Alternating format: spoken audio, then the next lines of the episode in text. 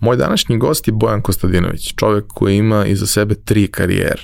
Prva je trajala 15 godina i bila je u profesionalnom sportu. On je bio profesionalni odbojkaš koji je igrao u e, Partizanu, Crvenoj zvezdi i jedini je sportista koji je dva puta prelazio iz Partizana u zvezdu. Nakon toga igrao je u uh, kurac, brate, zaboravio sam da je... Ok, igra u Grčkoj, pa igra u Poljskoj, nije bitno. Ok. Da, znam, nego ne mogu ni se setiti šta je prvo, ništa. Moj današnji gost je Bojan Kostadinović, čovjek koji za sebe ima tri karijere. U prvoj koja je trajala 15 godina bio je profesionalni sportista koji je igrao odbojku u Crvenoj zvezdi, Partizanu, jedini je sportista koji je dva puta prelazio iz Partizana u zvezdu. Ovaj, nakon toga igrao je u Grčkoj, zatim Poljskoj, Libanu, Francuskoj i ta njegova karijera je obilovala raznim nekim zanimljivim momentima i vrlo često i u tome što je radio bio pionir, bio jedan od prvih stranaca koji su otišli u Grčku, zatim jedan od prvih stranaca koji su otišli da igraju u Poljsku ligu koja je u tom trenutku doživljavala veliku ekspanziju, a danas je Poljska vele sila u odbojici. Paralelno sa svojom profesionalnom odbojkaškom karijerom Bojan je završio mašinski fakultet, nakon čega je magistrirao, a pre deseta godina i doktorirao, tako da je i svoju akademsku karijeru ostvario na pravi način i nakon završene sportske karijere pronašao je sebe u e, svetu automobilske industrije, u prodaji, zatim u menadžmentu i tamo je bio nekih deseta godina, a poslednjih 7-8 se bavi pre svega edukacijom. Bio je jedan od ključnih ljudi Mokrogorske škole menadžmenta, danas je i dalje tamo edukator, i e, pored toga ima svoju konsultantsku kuću koja se bavi e, razvojem e, u oblasti menadžmenta i strategije. E, verujem da će vam biti veoma interesantna njegova priča, da ćete na toj vremenskoj i životnoj liniji pronaći neke momente u kojima ćete prepoznati vrednost za sebe. Svakako mislim da, da je e, sve što smo pričali jako interesantno i moja topla preporuka da ovu epizodu poslušate. Realizaciju ove epizode podržala je kompanija Epson, koja je vodeći proizvođač projektora i štampača za sve namene, od kućne i kancelarijske upotrebe do profesionalnih uređaja koji se koriste od maloprodaje do industrijske proizvodnje. Već 20 godina u nizu proizvode najbolje projektore na svetu, a prvi štampač napravili su pre više od 50 godina. I dan danas svaki godin ulože preko pola milijarde dolara u istraživanje i razvoj novih proizvoda sa fokusom na održivo poslovanje i očuvanje životne sredine. Upravo zahvaljujući tome, njihovi inkjet uređaji najnovije generacije prave 94% manje zagađenja od konkurencije uz maksimalan kvalitet otiska. I vaš mobilni telefon koji sada nosite i na kome nas možda slušate i gledate, najverovatnije je napravio robot koji je stigao iz Epsonove fabrike. Roboti su super. Japanski roboti pogotovo. Za slučaj da želite da nas podržite vi individualno, uh, možete da posetite link u opisu podcasta na platformi Buy Me A Coffee i tu možete kupiti mesečnu pretplatu ili jednokratno donirati neki jednost koji želite. Hvala vam unapred na tom. Bojan, dobrodošao. Uh, razlog zašto si danas ovde je tvoj razvojni put i lični i profesionalni koji je najmanju ruku neobičan. A, volao bi da ih je više takvih, nažalost nemamo mnogo takvih primjera, ali mislim da možeš da budeš a, svetao primjer nekim mladim talentovanim ljudima koji su se pronašli u sportu, ali možda ne znaju šta će dalje da rade sa svojim životom. Ti čini se da si od uvek imao neku jasnu ideju šta želiš i kako planiraš da se to ovaj, razvija, vidjet ćemo i kroz ceo tvoj razvojni put kako je to sve teklo i šta si ti sve tokom života radio često i po više stvari u paraleli da bi sve to moglo da se stigne. Ali kako to obično biva sa svim mojim gostima, prvo pitanje koje moram da ti postavim je šta si teo da budeš kad porasteš? E, zdravo Ivan, evo, e, da ti prvo zahvalim što si me pozvao. Jako mi je drago da budem ovde kod tebe e, gost u ovom studiju, pratim i tvoj rad i gosti koji dolaze ovde kod tebe stvarno je to jedna sjajna grupa ljudi, ljudi koji su uspili u životu, mnogi koji će tek pokazati svoj kvalitet, tako da vrlo sam sretan što sam u jednom takvom društvu. dogovarali smo ovaj razgovor sa idejom da, da popričamo malo o tom razvojnom putu evo, ja stvarno imam jednu, u najmanju ruku čudnu karijeru. U najmanju ruku stvarno imam tri karijere. koje su potpuno drugačije jedna od druge. Prva je bila vezana za, za sport, igrom slučaja sam postao profesionalac u sportu, apsolutno uh, zaslužno, zaslužno je to jedino što sam bio užasno uporan i užasno vredan i ja mogu da kažem i da se taj sport meni profesionalni potpuno slučajno desio, znači ja nisam bio neki ekstra uh, talenat u, u detinstvu koji je već viđen bio za sport, više sam uh, divergirao uh, nekoj školi, fakultetu i tom putu sam u stvari težio. Međutim, sport, profesionalni sport mi se desio, tako da je to bila prva karijera. Druga je bila vezana za autoindustriju u koju sam ušao po završetku sportske karijere, a evo već nekih sedam godina se bavim e, edukacijom, razvojem ljudi, razvojem talenata, e, korporativnim programima, tako da je to moja treća karijera. Znači sve te karijere potpuno drugačije, ali ovo koju danas radim, apsolutno ne bih mogao da radim bez ove prethodne, a i ona prva sportska mi u mnogo me pomaže da motivišem ljude, da, da im pokažem kako je u stvari u životu sve moguće. I trudim se da to prenesem drugima, trudim se da prenesem svoj deci, uh, da jednostavno ako nešto želiš i ako težiš tome, ako si uporan i vredan, jednostavno možeš uspeti. Uh Obično taj deo, uvodni razgovor u kojem pričamo o tome kako je teklo formiranje, kako je teklo školovanje i sve to i šta si hteo da budeš kad porasteš kad si bio mali, znači nisi mi dao odgovor na to pitanje.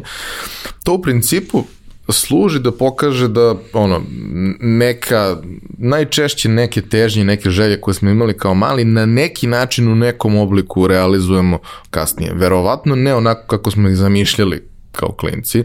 Vrlo često se to projektuje u nešto malo drugačije, ali kad ono, pogledaš i sagledaš, obično se pojavi neka veza između svega toga. Uh, kako to u tvom slučaju bilo kad si bio dečak, kad si ono, krenuo sa, sa školovanjem, šta te je interesovalo, šta te je vuklo, šta ti je bilo najinteresantnije? Da, nisam odgovorio na tvoje pitanje. Uh, uh, ja sam u školskoj klupi provao, evo mogu da kažem slobodno, skoro 50 godina.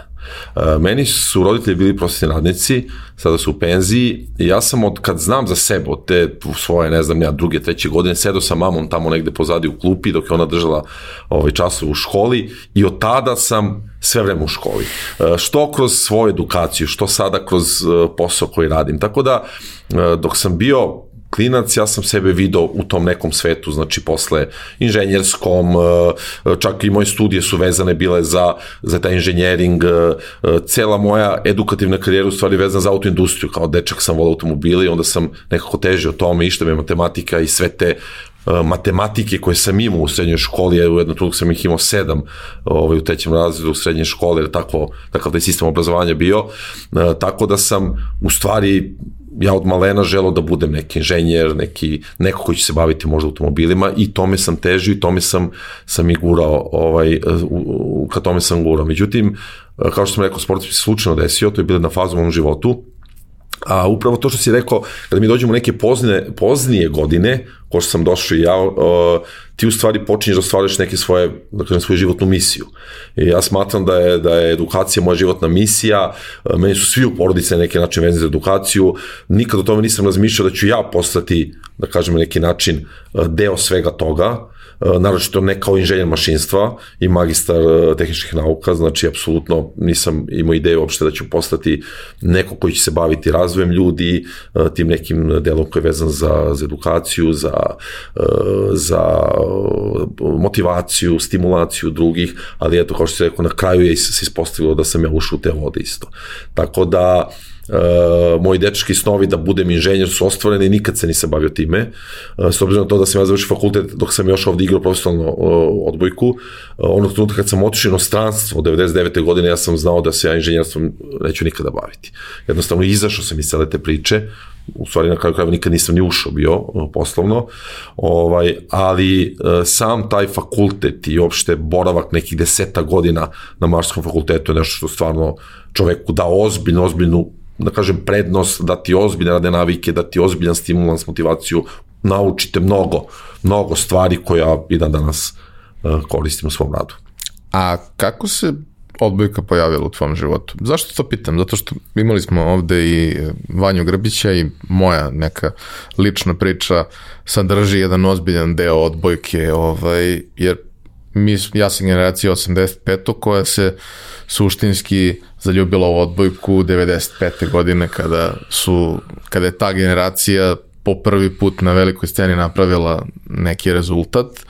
Uh, onda istražujući to sve i prateći šta je u tom trenutku RTS radio i prenosio, svi smo mi negde skapirali da postoji Vojvodina, da Vojvodina igra nešto prilično ozbiljno u tom periodu, da ima gomila mladih talentovanih igrača, da je ta naša liga u tom periodu bila dobra, zanimljiva, išli na utakmice, gledali, roditelji nas podržavali jer je to jedan lep sport gde nema agresije, gde su i sve te neke navijačke, navijački momenti su vrlo blagi, onda su posle došli i, i da kažemo i ženska odbojka kao još jedan dodatno lep element svega toga, jer kad imaš tu vrstu ovaj um, pa dobrih uspeha i u muškom i u ženskom delu ovaj nekog timskog sporta onda to znači da i brat i sestra i svi mogu da imaju nekog svog ovaj, ko, ko će im biti a, ne idol, ali nekakav uzor u, u životu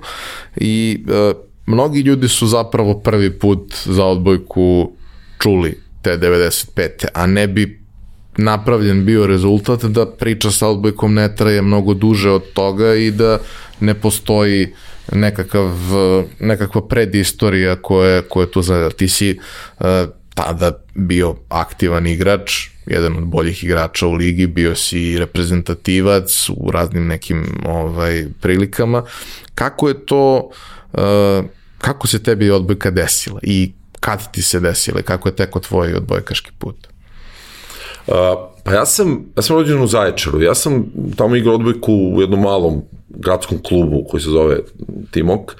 Uh, I stvarno je zanimljivo kako sam ja došao uopšte u Partizan. Ja sam došao u Partizan kao već gotov igrač sa 18 godina po završetku srednje škole, upisao fakultet preko jednog mog uh, prijatelja koji je imao poznanika prijatelja opet koji igra u Partizanu, ja sam došao na probu i zadovoljio sam te njihove standarde i tu sam i ostao, odšao sam u vojsku, posle vojske, vojske sam se priključio prvom timu Partizana.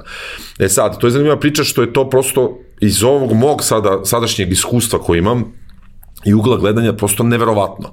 Znači, to se jednostavno, ono što kažu život i navesti, uh, evidentno da sam imao neke kvalitete, da, da sam bio neko ko je možda viđen da nešto može da uradi, ali sam daleko bio od tog Vanje Grbić kog si spomenuo, koga ja kad vidim i dan danas, dobili smo i drugari, ja ono, samo mogu da mu se poklonim, jer to što je Vanja bio Nikola, Miljković, Kviskovović, cela ta ekipa, na kraju kada počeši od ovih starih Žareta Petrovića, Dejana Brđevića, Željka Tanaskovića, Bobe Kovača, pa svih ovih posle, do ovih mlađih, da kažem, koje mi znamo, Gerića, Boškana, u toj generaciji, a posle i Batana Tanasijevića, Petrić, cela ova ekipa koja danas igra, stvarno to su momci u to vreme, to, te 2000 taj vrhunac na olimpijadi u Sidneju je bilo nešto fascinantno. Znači oni su krenuli malo ranije, 95. su napravili taj prvi uspeh u, u, Grčkoj kada smo prvi put u stvari po sankciji izašli iz, iz zemlje i mi košarkaši uh, i sa tim trećim mestom u, u Grčkoj tada na evropskom prvenstvu kreće ekspanzija odbojke.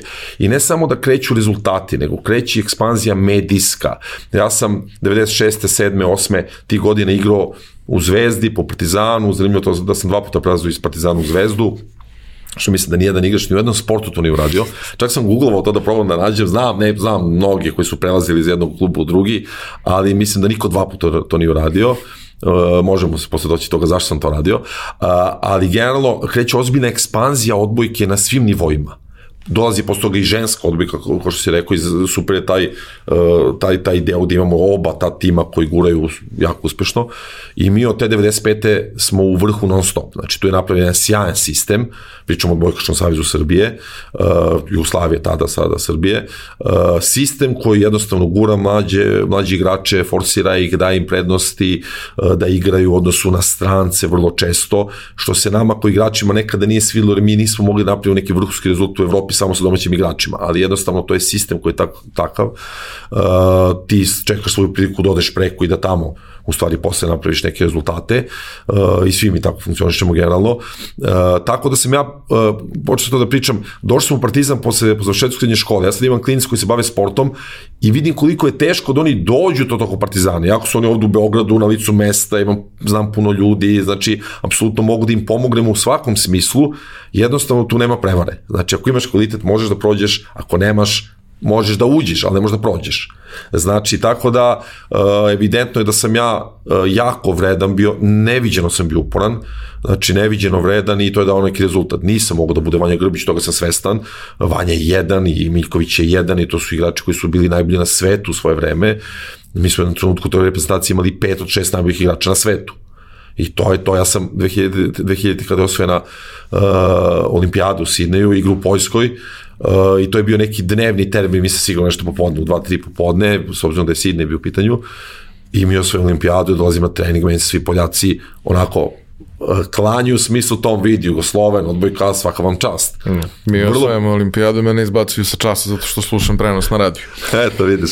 Da, ovaj, tek Poljska, posledili smo ta Poljska odbojka eksplodirali i tako dalje. Ovaj, I super je što taj kontinuitet postoji dan danas. Mi smo 2019. bili u muškoj odbici Hrvatske Evrope, nemamo više superstarova ekipi, to je zanimljiva tema, čak da sam napravio jedan super case study na studije slučaja, kako se to sad dešava da mi nemamo više superstarova od 2011. kada je Miljko kao posljednji taj superstar otišao iz reprezentacije, mi više nismo izbacili ni jednog superstara, imamo sjajni igrače, Batu, jednog, drugog, trećeg, ali nemamo te najbolje na svetu, a mi smo i dalje u vrhu. Znači da postoji jedan sistem koji to gura ovaj, i to je fascinantno stvarno. Daš pre neki dan je bila, bio komentar ovaj, tokom uh, utakmice devojaka kad, kad kaže uh, poslednji poraz uh, na, u evropskoj konkurenciji su doživjeli 2015. godine. Da, da ima nešto rekao juče 17, 18, nekih 19 pobjeda na, zarad. Ne znam, to je bilo neko polufinale, na kraju su, mislim, uzele bronzu tu, ali naredne dva evropska su uzela zlato i sad su zaređile, da kažem, u ovoj grupnoj fazi su sve za sad pobedile 3-0, iako imamo taj suludi moment da se evropsko prvenstvo dešava 10 dana nakon olimpijskih igara, gde, mislim, i u ženskoj košarci je bilo slično, samo je bilo 20 dana pre olimpijskih igara, da. pa je vrlo teško da ti imaš u to, ono, u takvom formu, ciklusu, je, da. da imaš dva puta dostigneš neki maksimum forme, ali dobro.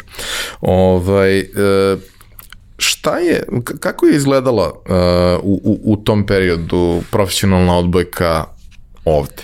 Dakle, mi smo imali te neke rezultate, postojala pažnja javnosti, mi smo redovno, ono, iako je bilo tri kanala ETS-a u tom trenutku, redovno je, svaki nedelje je bio jedan prenos neke utakmice ligi, obično je to bila ili Vojvodina ili Partizan ili Zvezda, ili ako igraju jedni protiv drugih, onda se zna šta će biti neki od tih derbija. Ove, ovaj, ali kako je to izgledalo sa organizacione strane, sa stručne strane, šta je tebi doneo ulazak u prvi tim? Jel ti doneo neko novo znanje, neko novo iskustvo? Jesi uspeo da napreduješ kao igrač? Znaš šta, te, te 90. godine su jako zanimljive uh, sad iz ovog ugla, znači tipa 20. godina posle toga ovaj, za, za, uopšte za razmatanje, za analizu. Uh, mi smo do 95. imali sankcije, oni su počeli neki 92. treći kad god, ovaj, i onda je strategija Partizana i Zvezde bila u stvari, hajde, hajde da igramo s mladim igračima, uh, jednostavno ne možemo da izađemo preko, ne možemo da napravi neki rezultat. E, tako da te sankcije koliko god su bile katastrofalne za sve, znači da ne pričam sad o tom i za prirodu i za sport, jel te kod nas, ove, oni su nama, mlađim igračima, dale šansu da, da, da, da naravno nastupimo. Ja sam došao u Partizan 90. pa sam otišao u vojsku, pa sam 91. počeo da igram za Partizan. To je bila jedna ekipa gde nisi ti mogao kao klinac da uđeš da igraš. Znači to su bili ozbiljni, iskusni igrači po 26, 7, 8, 9, 30 godina e, i jednostavno bili su daleko bolji od svih nas klinaca tada. E, međutim, e, sankcije koje su donešene nama su dale to da su ti stari igrači otišli u inostranstvo, oslobođena su mesta i mi smo dobili priliku da igramo. Ja sećam kad sam bio u Zaječaru, to te 90. odbike na TV-u nije bilo. Znači ja sam uveč seća se lovio ono 10, pola 11 neki sportski pregled, da vidim samo izveštaj ko je pobedio, ko je izgubio, ta stara država imala dobre timove, Mladost Monte i opšte masa tih nekih drugih timova Bosnu, znači koji su bili jako jaki, uh, ali ti nisi imao gde da vidiš, nisi imao gde da gledaš to. Tek od 95. kreće ekspanzija ozbiljna medijska i to što ti rekao, recimo mi smo uh, uh, tih godina, 96. 7. 8. kad sam igrao u Zvezdi, recimo igrali smo finala play-offa sa Vojvodinom pre 10.000 ljudi u Velikom Spensu. Da, i sve utakmice su bile prenošene. Znači, Final play-offa, e, sve utakmice su bile I ne samo final play-offa, mi smo išli tri put nedeljno na TV-u. Znači, tada Jovan Risi se tako zvao urednik ja sportskog programa, da. tada on je bio upravi Crvene zvezde i on je guro odbojku i guro je i mi smo išli, ono, vikendom su išle naše ligačke utakmice, sredom ili kad smo već igrali su išli evropski kupovi. I mi smo bukvalno bili, ako ne ideš u direktnom prenosu, ideš u nekoj reprizi. Znači, mi smo bukvalno išli tri puta nedeljno ovaj na TV-u. I vidi, počinju ljudi po gradu ti prepoznaju ti non stop, non stop se negde vrtiš, non stop si negde u nekim medijima, u žurnalu, u sportu, gde god i na televiziji i onda tako počinje da se stvara jednostavno interesovanje za odbikom. Svi ti rezultati koji su nastupali dalje, oni su donali odbici jako puno, dece su, dece su počela da se interesuju, recimo sada je neviđena ekspanzija za ženskom odbikom, uh, potražnje za ženskom odbikom kod, kod dece. Prvo odbika je mnogo lep sport, čak i da ne uđe što je profesionalizam. Da se deti izvuče, da poraste, da se ispravi gore, znači mnogo je lepi za držanje i za građu, znači deteta da je jednostavno zdrav je sport. I ovaj, eks... A bezkontaktni, što je dosta bitno. Bezkontaktni, da, nema tih nekih grubih, uh, grubih momenta, šta ja znam, tog tipa. Ovaj, tako da, uh, jednostavno ti kao mlad igrač se vratim na temu, ulaziš u prvi tim u 20, 21, 22 godini, ti ti jednostavno kapiraš koliko ne znaš, ali kapiraš koliko imaš prostora da, da napreduješ. Tako da, uh, gledajući uopće sve te, ja sam imao prilike da igram u svom početku sa svim tim reprezentativicama, mislim, to je stvarno neki drugi nivo ti jednostavno krećeš da učiš od njih da uh, što su bolji igrači kod tebe, bolji ti uh, postaješ, jeli. Tako da, ovaj, posle toga je, kažem, krenula ta velika ekspanzija, uh, ja sam otišao 99. u inostranstvo, onda ti već tu dolaziš neku drugu fazu, ja kad pričam o tom postavljanju ciljeva, ovaj, dajem dobar primjer, kad igraš bil, kad se baviš bilo kojim sportom u zemlji, da kažem Srbiji ili ovdje u lokalu, u regionu, gde god, uh, ti imaš samo jedan jedini sportski cilj, Partizan Zvezda. Znači, Vojvodina je bilo u to vreme sjajna i danas se polako vraća. Vojvodina je imala taj projekat šampioni od 90. su imali projekat šampioni do 2000. I oni su stvarno imali najviše, najveće budžete i dovodili su sve što, da kažem, što je najbolje u zemlji, oni su dovodili kod sebe. Oni su generalno na lokalu razmišljali ovako, možemo da budemo šampioni u futbalu, u košarci, možemo jedno da budemo, uvijek će postati Partizan i Zvezda. Hajde da razvijemo Vojvodinu odbojkaški klub. I onda su oni stvarno napravili spektakl tamo od tog uh, Miško Kijac i Vislavski, cela ta ekipa koja u to vreme bila uh, i Rajko Kijac na čelu tog, tog celog sistema To je bilo neviđeno igrati. Njih je u to vreme, nijedna evropska ekipa njih ni mogla dobiti u Novom Sadu. Sislih je dobio, ako sećaš, 95. Ja 6. koja je godina bila. 3-1 je bilo. 3-2 je bilo taj breko, sve 17-15 dobili. Ovaj, Sisli koja je u tom trenutku možda bio najbolja ekipa na svetu, da ne kažem ikada, ali igrali su italijanski reprezentativci, stranci i tako dalje. Ovaj, ali to je bilo neviđeno igra u Novom Sadu. Ja sećam, ja sam igrao 100 puta, ti povedeš 1-0, 7-3 po onim starim pravilima, mm. 3-1, izgubiš, ne, znači ne možeš da dobiješ. Tako da je stvarno sjajno bilo igrati u to vreme. Ovaj, Partizan i Zvezda nisu imali toliki toliku pratnju navijača, ali isto bilo, banjice je bila puna, šumice su bile pune, tako da nosim jako, jako lepe uspomeni. Nekako mi je sad žao kad ovim gledam te ligačke utakmice pred 200 ljudi, jednostavno onako malo je to sve ovaj, palo, ali nadam se da će se dići u svoje neko um, novo vreme. Vanja kada je bio, pričali smo o tome, pričali smo u jednoj prethodnoj prilici o, o tome koliko je uh, njemu značilo i celoj generaciji, koliko su značila sva ta neka iskustva koja su doneli odlaskom u Italiju, doneli ovde mlađim igračima, kada, kada bi dolazili, kada bi bile pripreme, reprezentacije, kada bi bila okupljanja i slično, da prosto italijanska odbojka je i tada i danas bila najbolja na svetu, više reprezentativna, ne toliko tada je italijanska reprezentacija bila nepobediva apsolutno, ali italijanska liga je i tada i danas bila ubedljivo najbolja na svetu, sa možda nekim izuzetkom kada neki klub dobije veliki budžet. Ali suštinski, uh, italijanska liga je liga koja je razvila taj sport do nivoa do kog je on došao. I uh, iskustva iz te lige i način i treninga i sve ostalo, profesionalizam koji je došao sa, sa odlaskom cele te generacije u Italiju je kasnije po vanjenim rečima očkolovao našu novu generaciju igrača koja je onda posta, postala bolja od Italijana, osvojila sve što je moglo i, i, i tako dalje. Kakav, je, kakav je tvoj bio utisak, ono, gledajući to negde, e, i, imajući neki direktan kontakt sa tim i gledajući to iz ono prvih redova borbenih? Pa da, Italija je uvek diktirala u stvari pravac razvoja. Znači, to što ti kažeš, ona je bila i u klubskoj odbici najbolji, danas je među najboljima, uh, reprezentativna odbika ima i malo pala, ali tu su, vrhu su negde. Uh, iskočila je Rusija u jednom trenutku, znači, u stvari iskočili su ogromni budžeti, znači, jednostavno to Rusija u jednom trenutku rešila da napravi promociju države kroz sport i onda je vratila sve svoje ruske igrače u Rusiju.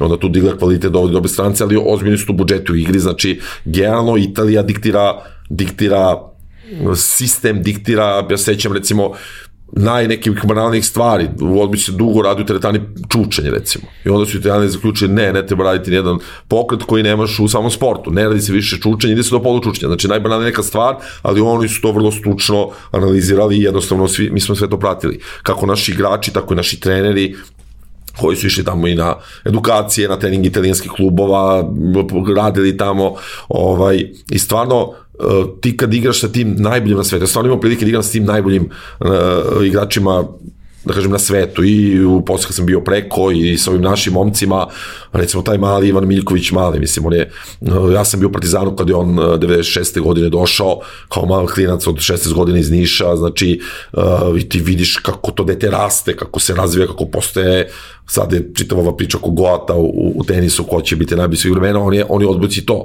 najbolji iz svih vremena, Michael Jordan odbojke, znači stvarno nešto neverovatno. On je došao Partizan, ja sam tad već imao 25-6 godina, on je došao kao klinac, ovaj, uh, jednostavno ti kad gledaš te vrhunske, ti prosto ne možeš da veruješ i kad igraš njima dok su oni razvili svoje pokrete, svoje, uh, svoju igru, znači to je, to je savršenstvo. Znači, postoje, mi u svakom sportu, naravno, postoje pravila igre, kako se šta radi, kako se blokira, kako se igra u polju. Vidi, to je savršenstvo. I ti gledaš i kažeš da li je moguće da on hiljadu puta uradi pokret kako valja. Sve nas povuče loptu bloku, pomoriš ruke, levo, desno, šta god. Vidi, kod njih nema toga. Ne, I zato su i najbolji na svetu, znači te, te, svaki svoj pokret, svaku svoju, uh, svoj, svoju tu celu veštinu su doveli do savršenstva. A to ih je naučila, Italija naučila ih je to ponavlje, naravno posle došli kod nas i mi smo počeli da raditi po tim nekim sistemima. Uh, ja sam, mi smo dugo išli u Italiju, igrali, igrali smo evropske kupove, ali smo išli svake godine, naročito s Partizanom, igrali neke turnire pred, predsezonske. I sad igraš s tim najboljim italijanskim klubovima, I vidi, oni imaju najboljih pet igrača, šest italijanskih, svaki od tih najboljih klubova, i još dva tada stranca najbolja na svetu. I ti kao nešto igraš sa njima, ti kapiraš, vidi, ne možeš da pobediš. Znači ti se boriš, boriš, ti izgubiš, ono, dva, sad u ovom prvom sistemu 25, 21, 25, 22, sve misliš tu si, a vidi, to je ogromna razlika. Tako da, jednostavno, svaki taj italijanski klub, pričamo o tim vrhunskim klubovima, je bio reprezentacija neku u malom. Znači ti jednostavno... Cijela ta priča naš, ono, i, i, i naša reprezentacija je krenula tako što gubiš, dobiješ sve, ali gubiš od Italije. I od Holandije. 3-0, tako je. pa onda 3-1, pa 3-2, pa 2-3, Yes. I onda krene da se da se Ali okreće. obično se to dešavalo tako što se njihovi njiho, njima generacije. vrši smena generacije da. polako, a nama se vrši smena njima u minus, a nam u plus. Naši stasavaju, a njihovi polako odlaze. Onda kad se tako i sa Holandjanima isto bilo. Da, ali bilo... Holandjani su imali taj, tu jednu generaciju tako koja je dve godine tako, bila vrhunska. i u piku, to je to. i onda kad su oni otišli, oni na kraju kraja više nisu nikad ni napravili. Da, mislim, ja, ja pratim i dalje te ljude. Ono, Bas Van de Gore ima svoju neku fondaciju kojom se, kojoj se bavi ovaj, sportski radom sa decom i tako dalje, cela ta generacija ovaj, Holandjana je bila jako interesantna, ali taj trenutak kad se, kad se Miljković pojavio kao klinac, već su svi ostali reprezentativci su već bili u zrelim godinama, imao si i ove koji su već u nekim ozbiljnim godinama, a ovi ostali su bili, kažemo, zreli formirani igrači. Pojavljuje se klinac, čiji atleticizam je iznad svega ostalog što, što imaš u reprezentaciji. Svi igrači su vrhunski sportisti, ali jednostavno on je izvajan ceo, nema ono, grama masti preko nekog minimuma, visok, i igra poziciju korektora koja je najzahtevnija pozicija, da kažemo sa te atletske strane. I jednostavno vidiš, ok, kao ovaj mali, ako nastavi da igra ovako, za par godina postaje najbolji na svetu i uspeo da se uklopi. Vidi, to, to sad ima dosta stvari. Uh, rekao si jednu stvar što je potpuno tačno, uh, da je on, on, on kao da je nacrtan za odbojku. Znači 2.6, dugačke ruke, znači telo ima fantastično, znači kad, kad bi rekao kako izgleda prototip jednog korektora u odbojici to, to, te pozicije, rekao bi evo on je prototip. Ali postiže druga stvar, on je neverovatno pametan momak, neverovatno inteligentan, neverovatno bistar. Znači, on dok, dok nije došao u partizan, dok nije ušao taj profesionalizam, to je bilo ono, 5-0, nekoliko stranih jezika u školi, znači užasno, užasno pametno dete je bilo, još tad kad je došao. Naravno, on je stasavao, učio je uh, i sad je, mislim, dečko je genijalan, stvarno, ja njega super znam i mislim, jako ga i volim, on je bio jedno, jedan klinac ko što su moji, ko, on je došao bukvalno godinama u kojima je moj, moj stari sin sada. Znači, jedno dete je bio, ovaj, jedno gotivno dete skroz. Uh, I to je, to je, to se da kaže, znači, pored toga što ima telo, on je nevrovatnu glavu ima, a da bi napravio takav rezultat, da bi bio ti u tim vodama toliko dugo, ti mora da budeš u glavi vrlo. Ima mnogi drugare koji su imali sjajna tela, fizički su bili, fizika mi je bila nevrovatna. I oni mi kažu sad, ja mogu sam budem dobar igrač. Kažem, pa što nisi? Kaže, pa baš nisam volao da treniram, znaš. Ja kažem, vidi, pa ti prvi nisam mogao da budeš dobar igrač. Znači, to ti je prva osnova, mora da treniraš. Znači, ako ne voliš da treniraš, ti, znači, mora da budeš u glavi spreman za, za, za to, za te napore, za, ovaj, za taj vrh. Uh, s druge strane, uh, kad pričamo o Miljkoviću, to je neverovatno kako se namesti. Mi smo do pojave Miljkovića imali sklopljenu ekipu sjajnih igrača, pričam sa ovim starima da ne spominjem, I imali smo u, toj po, na, u, u prvoj postavi, imali smo pet igrača koji su bili, kaže, među najboljima na svetu. Imao si Kviska Vujović, imao si Bobu Kovača, imao si Boškana koji je dolazio, imao si braću Grbić, znači imao si Đulu, Geru, znači igrača koji su stvarno već stasali i već ali nam treba to mesto na poziciji korektora Batez, koji je sjajan igrač, fascinantan igrač, uh, limitiran svojom fizikom jedan dečko koji skače jako puno, skakač jedan, ali jednostavno dečko koji svoje karijere izvukom super maksimum, igra u italijansku ligu, stvarno igra u reprezentaciji fascinantne rezultati, isto jedan super momak, e, međutim, fizički je, on je 1,91 ja mislim da je Batezi fizički, jednostavno u toj poziciji on, dečko, nije imao, nije imao taj kvalitet. I onda ti je dobiš jednog Miljkovića koji je došao u Partizan da igra dizača. Te 96 kad je došao, on je igrao dizača. Međutim, vrlo brzo sada ne, ne pričamo o tome da ne zauzimam vreme, on u reprezentaciji juniorskoj počinje da igra korektno, ne vidi da on vidi, on može, hajmo da ga guramo na toj poziciji i jednostavno on dolazi onako kao u pazlama, samo onako ti dolazi još jedna, jedna ta ovaj, o, još jedna tako se zove, delić koji nedostaje, delić koji nedostaje toj reprezentaciji, da ona bude upravo to, da sa 3-2, 2-3 preskoči Italijani Holandžin ode na 3-2. I generalno to se tako poklopilo na mestu, naravno s njegom sin se radilo, lagalo, nije on baš odigrao od početka, naravno je su utakmice sjajno, ali se on gurao, forsirao, što je super pametno bilo, sa Gajom na, na, na čelu i celim sistemom koji je tada postojao. I jednostavno on upada u taj ceo sistem i, i to nas gura napred, jednostavno namesti se tako ti ovaj, izađe takav, takav igrač, ti, ti takav igrač ne možda napraviš, takav igrač se rađa, i on i Kvisko Vujović, ne Ali mora i da se pravi. I onda od takvog materijala, da, i vidiš, jako je teško izbaciti ponovo takvog jednog igrača, verovatno ovi nećemo skoro imati, ali to je to. A, paralelno sa tvojim igranjem odbojke profesionalno ovde, e, ti si upisao i studirao i završio mašinski fakultet. Mašinski fakultet je ozbiljan fakultet kako se uklapa profesionalni sport i studije na ozbiljnom inženjerskom fakultetu? Uh, pa ja sam došao u Beogradu u stvari uh, da studiram. Ja sam upisao fakultet i u tim nekim danima kada sam došao na upis, ja sam otišao u, u probu na, uh, na probu u Partizan. I jednostavno tu sam prošao, da tako kažem. Uh, ja sam nešto odem u vojsku, cela moja ta generacija tadašnja od, otišao u vojsku posle, po srednje škole i kada se vratio, onda sam u prvi tim Partizana. Uh, studirati jedan takav fakultet, ja ne kažem, stalno ide ta priča, znaš koji fakultet teži, stalno među drugarima, ovaj, mi imamo te neke rasprave, svi su fakulteti teški, znači to uopšte nije, nije tema, uh, tada nije bilo pri, pri, privatnih fakulteta, ili ih je bilo jako malo, generalno niko na to nije, malte ne išao, uh, imao si opciju da studiraš i državni fakultet ili da ne studiraš ništa, da se baviš samo sportom. Ja sam u glavi e, bio setovan kao neko ko mora da završi fakultet. Mislim ne da moram, nego jednostavno ja sam imao tu želju i guran sam u to smeru i čitav život sam razmišljao o tome da ću jednog dana da završim fakultet. Onda mi se taj profesionalizam desio. I sad je to mnogo nezgodno, uh, znači nije problem u tome što je mašinski fakultet težak, on jeste težak. Problem je u tome što, ti, mislim, teška je ekonomija i prava, sve je teško. Ali je problem u tome što ti na teškom fakultetu mora da budeš svaki dan tamo. Znači ti imaš mnogo vežbi, mnogo obavezi predavanja, mnogo laboratorijskih vežbi, uh, jednostavno ti mora da budeš tu. A ti u 10 sati imaš trening i u 10 sati imaš vežbe. I sad kako to namiriti, jednostavno, prosto je nemoguće i zato mnogi ljudi ne studiraju, jednostavno fizički je to nemoguće. S druge strane, kada se ti baviš profesionalnim sportom, ti imaš dva treninga dnevno. Skoro, ti imaš nekih desetak treninga nedeljno, znači skoro svaki dan imaš po dva treninga dnevno. Kad ti treniraš dva puta, ja slušam priče ovih starih, ko što sad ja mogu da pričam, vidi, ja sam igrao i studirao, znači slušam, slušate priče starih od mene, kaže mi smo studirali, svi smo završili fakultete, pa jeste, ali ste trenirali jednom dnevno. Kad ti treniraš 8 uveče, vidi, tebi je dan mnogo dugačak. Kad ti imaš od 10 ujutru trening, ti od 10 do 12 na treningu, znači krenuš od kuću 9, dođeš u 1, dok ručaš, popodne, po, znači tebi je dan ceo iseckan i ti, to ti je jednostavno radno vreme. Ja uh, tada, kada sam igrao, nisam razmišljao da je to bavljanje sportom u stvari moj posao. Ja sam moram, nisam u stvari razmišljao o tome. Ja se igram, meni je lepo, igram neki sport i to je to. Uh, I problem je znači to što ti, kad treniraš dva podnevno, moraš da spavaš popodne, Jer ti ako ne odmaraš kako treba, ne spavaš dovoljno, ti već taj četvrti dan ti si neupotrebljiv.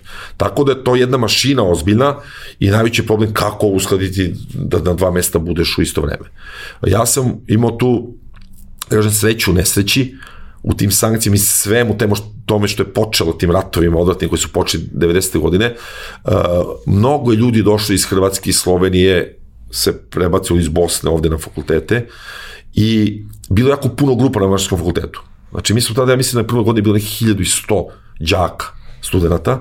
E, i onda mi se otvorio prosto da ulazim u druge grupe. Znači, nisam, ne, ja imam od 10, ne odem u svoju, nego odem u onu grupu od jedan. I stalno sam menjao neke grupe, ulazio, naravno, od te 91. kad sam počeo da studiram, odbijka je bila potpuno nepopularna, nije niko ni znao da kao što sam malo pre rekao, teko 95. kreće ta ekspanzija, tako da niko nije hteo da tebi na neki način da ustupak, da ne dođeš, da ne vidi, sve vežbe, sve kolokvijeme, sve sam morao da uradim. Imao sam slučaj s jednim mladim asistentom tada, to mi je zanimljiva priča, koji je postao posle vrlo poznat i u gradskim krugovima na fakultetima i na morskom fakultetu. Uh, mi smo imali neke auditorne vežbe, nešto u šest popodne, seća se da je bilo, i uh, to je bilo obavezno. I ja sam u to vreme imao trening. I došao kod njega i, i samo sam ga pitao da li ja mogu da dođem u neku drugu grupu. I on mi je rekao, da li možete mi pomogati, mi izaći u sused da dođem sa nekom drugom grupom, da ne budem od šestog, da budem, ne znam, od četiri popodne ili kako god. A on mi je rekao, kolega, mogu da vas posavetujem, imam za vas samo jedan savet, ili da ostavite školu ili da ostavite sport. Znači, to mi je, to mi je dao kao savjet, ja sam rekao, u redu, hvala lepo, onda se ja tu dovijao, nemam pojma što sam već radio, ovaj, E, par godina posle toga, Uh, što ja volio da idem na mašinijadi, išao sam, išao sam četiri puta na te mašinijadi, jedno je bila neka univerzijada svih, svih fakulteta u Budvi dole i to je bilo sjajno meni iskustvo. Ovaj, I on je bio na toj nekoj univerzijadi i mi smo u toj odbici dominirali, znači imali smo lepo ekipu, igrali smo lepo. On se nije odvajao od nas, znači on išao s nama na piće, na utakmice, bio je glavni navijač i onda na kraju svega toga mu kažem, sećate se kad ste mi pre 3-4 godine rekli da ili ili, on kao pa znam, ja sam bio mlad, tek sam došao s fakulteta, tako pričam, mislim, ništa da nije bilo nikakve zle krvi, ali generalno nisi im ustupke i to je užasno teško zadovoljiti, znači ne, nevrovatno, ja sam non stop ovaj, išao, kopirao neke vežbe, ne, naročito je nezgodno kad posle, kad je krenula Evropa posle, pa ti recimo utorak odeš preko na utakmicu, dođeš u četvrtak, znači u sedam si igra utakmicu, utorak odeš na avion, ili bus, gde god si ideš, šta god, i ti tri dana nisi u Beogradu. Znači, to je pakao, posle dok te vežbe ponovo odradim, nađem grupe gde mogu da odradim. Znači, baš je onako bilo užasno zahtevno. Uh, sećam se da recimo u trenucima ja sam opet imao tu sreću nesreći da nisam bio toliko u reprezentaciji. Da sam ja imao, kako ide, uopšte kako ide taj proces, ti igraš ligu do, ne znam, maja, od maja kreće reprezentacija koja temelje, da li to u početak svetska liga, pa onda ide evropski, svetski, olimpijada, kako god svake godine po jedno, jel te? I u septembru ponovo ulaziš u, u taj klubski trenažni proces. Ja sam to leto uglavnom imao slobodno, igrao sam, imao sam neki 20 nešto nastup u nekoj univerzitetskoj, nekim uh, selekcijama, ligi i tako dalje, ali jednostavno realno nisam imao mesto u toj selekciji, to je potpuno sa svestan toga i apsolutno nemam, ne mogu sebi apsolutno ni da, da, da zamenim što je to tako bilo. Na tim pozicijama su bili momci koji su bili daleko, daleko bolji od mene. Ovi, tako da sam imao to leto I onda sam ja čitav akcenat ovaj, svoje pažnje i svog rada leti posvećivao fakultetu.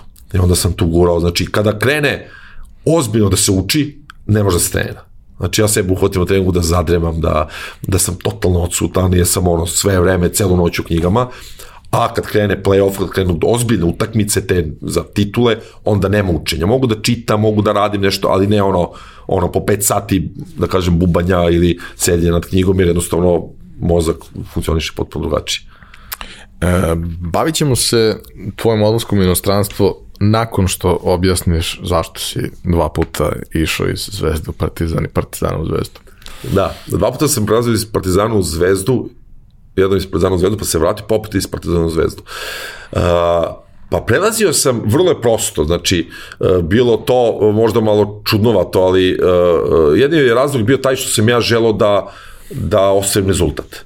Prvi put sam iz Partizanu Zvezde prešao 2094. godine, u stvari tad su i krenule sankcije pre toga, bio sam tri godine u Partizanu, i onda je nama tadašnji predsjednik kluba rekao, počeli su sankcije, on nas je pozvao, ja sam navodno u tom trenutku bio stari igrač sa nekih 23 godine u to vreme, i ona je nama starim igračima, koji smo tu već bili par godina, otvoreno rekao, slušajte, ja hoću da guram ovaj klinic od 16-17 godina, sankcije će trajati par godina, mene ne zanima da napravim rezultat, ovaj, jednostavno hoću da izbacim drugi igrače koji će nastaviti kad sankcije prođu, ako ostanete, znajte da nećete igrati.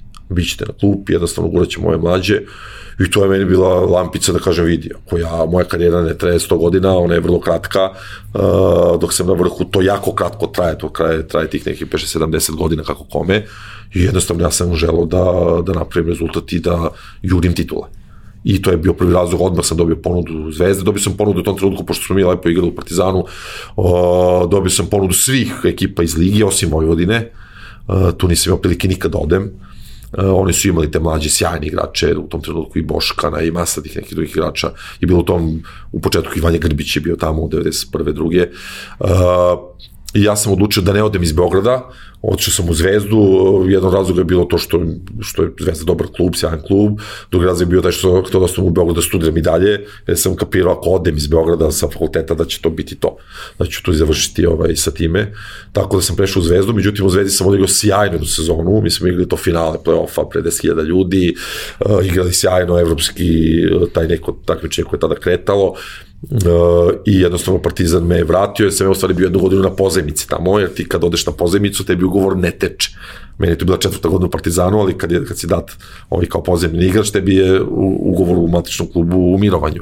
Tako da sam na neki način morao da se vratim, vratio se još jednu godinu, a onda sam su me ponovo iz Zvezde vratili da se vratim, tada su pravili, da, da kažem, taj neki dream team u Zvezdi i vratili su uh, Dejana Brđevića iz Grčke i Željka Tanaskovića, došli sam ja iz Partizana i to je bila jedna sjajna ekipa, e, osvojili smo kup odmah posle toga, tako da ovaj, je bio motiv isto sportski, znači čisto sportski motivi i motivacija da, da napravim neki rezultat, eto to je bio uh, jedini razlog. U kom trenutku prvi put odlaziš u inostranstvo kao igrač i gde?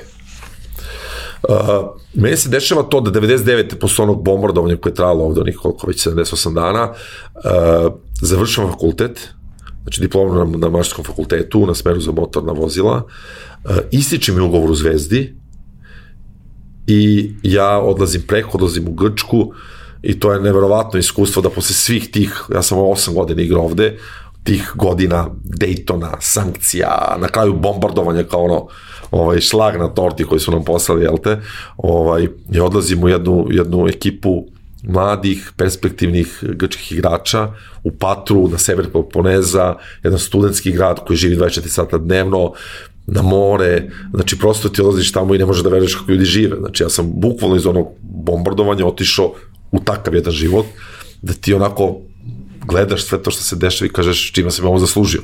Znači, sunce, more, mnogo para za to, na to naše vreme, tada, pričam za mene, znači za, mi smo igrali ovde za neke, neke da kažem, novce koji su bili generalno mali, odeš tamo puta 10 ugovor. I ti shvataš vidi kako je ovo lepo, znači radiš što voliš, radiš nešto gde u čemu uživaš još te neko za to plaća, pa, pa vidi, ne, ne, može, ne možeš bolje, da. Ovaj, tako da je to bilo nevrovatno iskustvo, prva godina u, u Grčkoj, druga godina u Poljskoj, treća u Libanu, dve posle u Francuskoj, šesta ta posljednja u Libanu, opet tako da sam imao tu priliku da iz jednog Beograda kao centra odem prvo 1000 km na jug, u jednu pravoslavnu zemlju koja nas jel te, jako puno voli i narod nas obožava. Pa onda odem 1000 km na sever u Poljsku, jednu, jednu katoličku zemlju koja, koja je potpuno drugačija od Grčke, od nas, znači ja sam imao sjajno iskustvo i super drugari, sve i sve, to je sjajni klub bio, ali generalno drugačije život. Pa onda 2000 km na, na zapad u Liban, u Bejrutu, ono, jedan, jedan nevrovatan grad Pariz Bliskog istoka u koji sam ja zaljubljen, prosto ne mogu da verujem što sve se tamo dešava, ovaj, u jednu zemlju koja ima i hrišćane, i pravoslavci, i katolike, i maronajte, i šite, i sunite, znači apsolutno sve živo izmešano na jednom mestu. A onda četvrtu sezonu 2000 km na istok u Francusku, jednu sređenu zemlju, socijalno vrlo poželjnu za život, gde sam isto imao super iskustva, igrao sam ligu šampiona sa nekim od najvećih francuskih zvezda u to vreme, Šambertenom i tom ekipom koja je bila stvarno ovaj, sjajna, tako da sam obišao sve žive religije koje postoje u regionu, spavao u sobama i sa jednima i sa drugima i s trećima, potpuno oslobođen tih religijskih problema, dogmi, tih nekih jednostavno apsolutno otvoren ka svetu, znači to je, to je mislim da to je jedna sjajna sjajna prednost koju sam, koju sam dobio i sjajna, sjajna neka vrlina jednostavno. S druge strane, u svim tim zemljama, osim Libana, sam naučio lo, lokalne jezike. Ili sam bar učio. U Grčkoj sam učio, nisam mogao da naučim za tih 8 meseci da, da baš pričam kao Grka, ali sam imao učitelja, uh, imao sam knjige koji, koji sam učio po ceo dan grčki jezik, tako da sam u tim nekim godinama kad se vraćao u zemlju, tamo 2004. 5. godine, e, mogu da govorim nekih pet stranih jezika, što je stvarno super bilo. Dosta od toga sam i zaboravio, ali to ti isto daje neku, neku vrednost, neku ovaj, težinu, tako da. Ali sam želeo jednostavno, imam drugari koji su po 10 godina u jednoj zemlji ne žele da nauče strani jezik, jednostavno ne zanima ih. Ja sam želeo da naučim i poljski, i grčki, i francuski, uh, rumunski, i engleski, govorim od rane, tako da svašta nešto. A odlazak u, u, u Grčku Dakle, ono, ideš na lepo mesto, radiš stvar koju voliš, dobro si plaćen, deluje kao da život ima smisla. Upravo tako. Ovaj, e, odlazak tamo je odlazak koji opet jedan sistem koji je drugačiji od svega onoga što, što se radilo ovde i kako se radilo ovde. Kakva je bila njihova liga u tom trenutku? Vidi, Grčka liga je bila jedna od, od, od jačih liga, uh, možda ne kao liga, ali oni su oni imali klubove koji su dominirali u evropskim takmičenjima, i Olimpijakos, i Panathinaikos, uh, Ajax se tu negde borio, PAOK, znači imali su i, i Iraklis je bio tada ovaj, naglašavam tim nekim njihovim, ovaj, je bio, je bio, čak ja mislim da je bio, da tu bio čak i šampion Evrope igrao finale, znači oni su jako puno ulagali, dovodili dobri igrače i u tom tim godinama Ruska liga nije bila toliko jaka, Turci su imali onako manje više dobru ligu, ali oni su se italijanima takmičili u stvari ko će da te evropske kupove. Tako da Grčka liga je bila jako dobra liga u to vreme posle pala sa svim ovim što se tamo dešava, problemima ovaj, e, koji imaju i dan danas, jel te, ali e, Grčka liga je jako dobra. Drugo je to što su oni kao, kao narod e, drugačiji, što su to, oni nas mnogo vole, ali su na neki način možda i ne baš super profesionalni na nekim nivoima. Mislim, ili situacija, ja sam došao u, u, u taj klub u Patru, uh, gde su dva trenera, bila dva Grka, koji su studirali u Beogradu, završili DIF u Beogradu i žene su im srpkinje. I oni su tamo bili treneri, oni su tom decom, lokalnom decom, radili od posljednje grčke lige, dizeli se, dizeli se i u tom trenutku te 99. ušli u prvu saveznu ligu, u ekipu sa Olimpijakosom, Panikosom i Reklisom i svim tim klubovima. I ta dva momka su kao da su Dorčova, znači sve fore, fazone, sve znaju, znaš, ono, pričaju srpski, i obo, obožavaju Srbe. Mislim, i moraju da su žene srpke, jel te, ne, ne nekog ni izbora, baš velikog, ali stvarno nas vole. I oni su rekli, ako ikada u životu uđemo u prvu ligu, stranci će biti samo Srpi, znači na, odavno. Znači mi ne dovodimo Amerikanci, to, to nas ne zanima. I onda sam ja u stvari bio prvi igrač u istoriji tog kluba koji je došao došao tamo. Ja sam vodio eksperimentiče, bio sam isto prvi igrač u istoriji koji otišao u Poljsku, prvi na, naš igrač. Ovaj, ja mislim da niko nikad pre mene nije otišao u Poljsku ligu da igra, posle je to krenula ekspanzija tih naših igrača. I onda ti dolaziš u tu Grčku uh, uh, koja mi smo imali tada bilo 14 klubova u ligi, imali smo zadatak samo da budemo 12, da nismo iz lige, to je bio zadatak trenera. Znači, samo da se ostanu u ligi prve godine, to ti je cilj, jel te, koji svakom u svakom drugom klubu, da ne ispadneš odmah nazad da ne možeš da se vratiš posle. I mi smo u jednom trenutku bili sedmi. Znači, došli smo, ušli smo u play-off, osam ekipe idu u play-off, i otvara se nova hala koji su oni za tih par meseci u Patri, to je bio neki teren između zgrada, oni su tu digli halu, dvoranu, njihovu samo, i otvara se nova dvorana, dolazi Olimpijakos. A vidi, kad dođe Olimpijakos u Patru, to je kako kad ode Zvezda, ne znam, u Zaječaru, Ivanjicu, neki mali gradić, znaš, to je spektakl. I sad je to ceo grad priča o Olimpija Kosu i sad mi naravno kao igrači, mi stranci, ovi lokalni klinci, naš panovini, hoćemo da pobedimo Olimpija Kos, što je prosto neverovatno jer su oni mnogo jači od nas, ali mi imamo tu želju, guramo, grizemo i dolazimo u minutu na trening pred utakmicu, dolazimo na trening da otreniramo i uveče da odigramo protiv Olimpija Kosa. I dođemo na trening, kaže trener, kafa, svi na kafu. I kažemo, čekaj, Ari, Ari se zva. Kako kapa čovječ igrao često? Kaže, sam još treba da dobijem Olimpijakos, kaže, i da budem peti, šesti, kaže, sledeće godine ako ne osvim ligu, dobit ću otkaz. Znaš, i onda, ajde malo opuštenje. I to je taj grčki karakter, znaš. Oni svi u tu dođu onako, u Patri, tom gradu gde sam ja živo, mislim, mnogi ne znaju taj grad, to je teći grad po, po veličini posle Latini Soluna, on se nalazi na severu Peloponeza, sjajan grad, i tamo je u, u proleće, svako proleće se održava Patino karnavali, to je karneval koji je drugi po veličini na svetu posle Rija, po broju učesnika. Znači, oni svi drugačiji, Venecija je drugačija pod maskama, ovo je ovakav, ovo je onakav. U tom trenutku kad sam ja bio te uh, 2000 faktički, 40.000 ljudi učestvovalo u karnevalu. I od, te, od tog grada koji ima 200.000 ljudi, uh, za vreme karnevala milion, milion Grka je u Patri. Znači, svi mladi seli Grčka se sjatu patru. I on se otvara na nekom janoru tamo i to je, to su neke manifestacije po pozorištima, ne znam, salama nekim, ali ta zadnja nedelja u martu, to je totalni raspad u gradu, to je sve žurke na sve strane i zadnja dva dana, taj vikend, to je taj karneval, ta šetnja po gradu u nekim uniformima, kostimima. I, ovaj, i recimo kad krene taj karneval, to ti je ta zadnja nedelja, Grci ne dolaze na trening uopšte.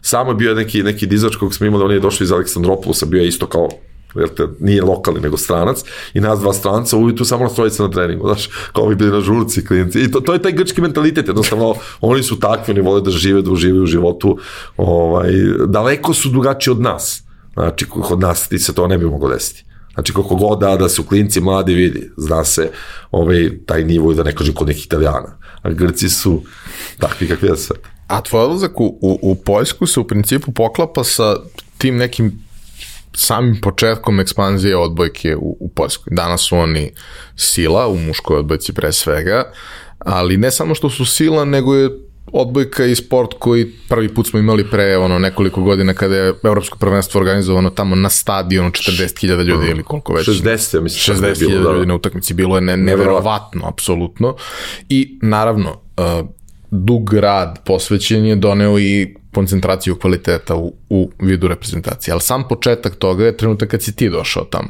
Kako je izgledalo tvoje iskustvo sa Poljskom? Pa vidi da desno se sam ja negde tih godina došao, u stvari su oni, oni su ušli u Evropsku uniju, to je, ja mislim, to je, to je donala, donala im Evropsku unija tu ekspanziju, mnogo firmi je tada, generalno ja, ja sad kad razmislim, sve što sam u Poljskoj video 2000-te, kod nas je došlo, ne znam, 2010. 5, znači sve to copy-paste. Znači, ko je bio pametan da gleda i da, da samo copy-paste to što je kod njih bilo, ovaj, jednostavno oni su otvorili, verovatno ušlo mnogo para sa svih strana, Evropska unija, oni su posle članice, ne znam, da su posle 2000, možda tako nešto da, godina. Velika zemlja. Da, ogromna zemlja, Uh, recimo, o, ozbiljno profesionalna, kod njih to što rade Grci ne bi moglo da prođe nikad, znači vrlo, vrlo profesionalni, uh, fizički dobri, Znači, fiziku imaju dobru, visoki, tanki, skočni i jednostavno kreće ekspanzija. Uh, ja sam, pričao sam i tebi ranije, ali generalno taj ugovor koji sam imao, koji je bio jako dobar 2000-te, 5-6 godina posle toga su ekipe imale 10 igrača koji su imali 10 puta veći ugovor nego ja, ili 6-7 puta, znači nevrovatna, nevrovatno uh, puno para je ušlo i jednostavno oni jako puno ulažu, recimo u moje vreme kad sam igrao pre 20 godina tamo, oni su imali plus ovaj uh, mobilnu telefonu i dan, danas ga imaju, znači ih prate ozbiljni sistemi, ozbiljni sponzori i jednostavno to da se igra odbika pre 60.000 ljudi, to je prosto nama Znaš, ono, ja sam igrao 50.000 i to je izgledao neverovatno. Igrao sam najviše protiv tog Kosa s Partizanom Ligu šampiona u, u Grčkoj u dvorani Mirje prijateljstva ovaj, u Pireju. Neki skoro 20.000 ljudi je bilo. Mi tada nismo imali arenu, to je taj nivo dvorane, znači mi smo imali pionir kao nešto najviše i Novi Sad, ovaj, kažem, 30.000, mi smo igrali protiv tog Kosa, ja doduše nisam igrao, bio sam klinac, ovaj, su ovi stari momci Ligu šampiona pred skoro 20.000 vidi, ti se izgubiš, znači u tom prostoru, ti si naviko na to. E sad mogu da mislim 60.000, znači to je kao futbal, futbalska utakmica. Uh, tako da ta njihova ekspanzija kreće, oni su jako vredni, I oni imaju tradiciju, oni su osvajali ranije, oni imaju tu tradiciju tih istočnjaka, kao što su imali Rusi, nekad ovi Azijati, koji više ne mogu s nama fizički, da se, mislim s nama, s Evropljanima, da se bore fizički. I sve ove promene što se rade u odbojci, se rade da bi se dala šansa svima da, jedan libero, dva libera, znači sve to da se pojača odbrana, da se da šansa svima da se, da se bore, jel te. Tako da, ovaj, e, Poljaci mnogo uložu, mnogo rade, e, ja kad sam bio, bio taj problem što su oni dalje radili po nekim starim ruskim sistemima, nisu pratili ovo što smo pričali italijanski, te savremene metodologije, nego su i dalje radili tu rusku školu, koji im je nekad donala se na rezultate, a koja danas, recimo, mi smo tamo svi živi bili ispovređivani, i rade po tom sistemu da se skače ujutru uveče na treningu. E, ne može u sadašnjem, ovo, ovom ritmu, ovog uh, nivoa broja utakmica, ti jednostavno ne može da izdržiš to, fizički telo ne može da izdrži. I recimo, ti u današnjoj odbojci, da ne kažem danas, više ne pratim baš taj trenažni proces, ali kad sam ja igrao, ujutru se nije skakalo, prepodnevni trening služi za neke druge stvari. Nema skakanja jer se skače uveče, oni su i prepodne skakali, znači non stop se ide po 6 sati dnevno skakanja i onda svima odu meniskusi, ligamenti, znači svi živi ispovređivani, upale neke, tako da su imali taj problem, ali evidentno da su oni oni vrlo brzo adaptirali, e, mnogo igrača njihovih igra kod kuće, znači isto koji Rusi vratili su mnogo igrače u Poljsku, e, dvorane su prepune, svaka dvorana je puna, bez obzira s kim ti igraš, tebi je dvorana puna, tako da, da je lepo igrati u Poljskoj. Skroz je zanimljivo i lepo i meni to je jedno, jedno sjajno iskustvo. Kaže, mislim da je Evropska unija njima dovela, otprilike to se poklopilo s tim vremenom, krenuli su stranci da dolaze, kažem, pre mene u tom klubu nikad nije bilo stranaca, krenuli su stranci, jedni, drugi, treći, tako da, pa vama, e, e, dok je to došlo, došlo je do, u posljednje par godina, italijanski treneri budu treneri u Poljskoj ligi. Bernardi, jedan od najboljih igrača na svetu, Nikola Grbić je bio tamo prošle godine, znači najbolji treneri italijanski idu u Poljsku ligu da, da vode klubove tamo, tako da je to vrlo dobar znak dok su oni dogurali.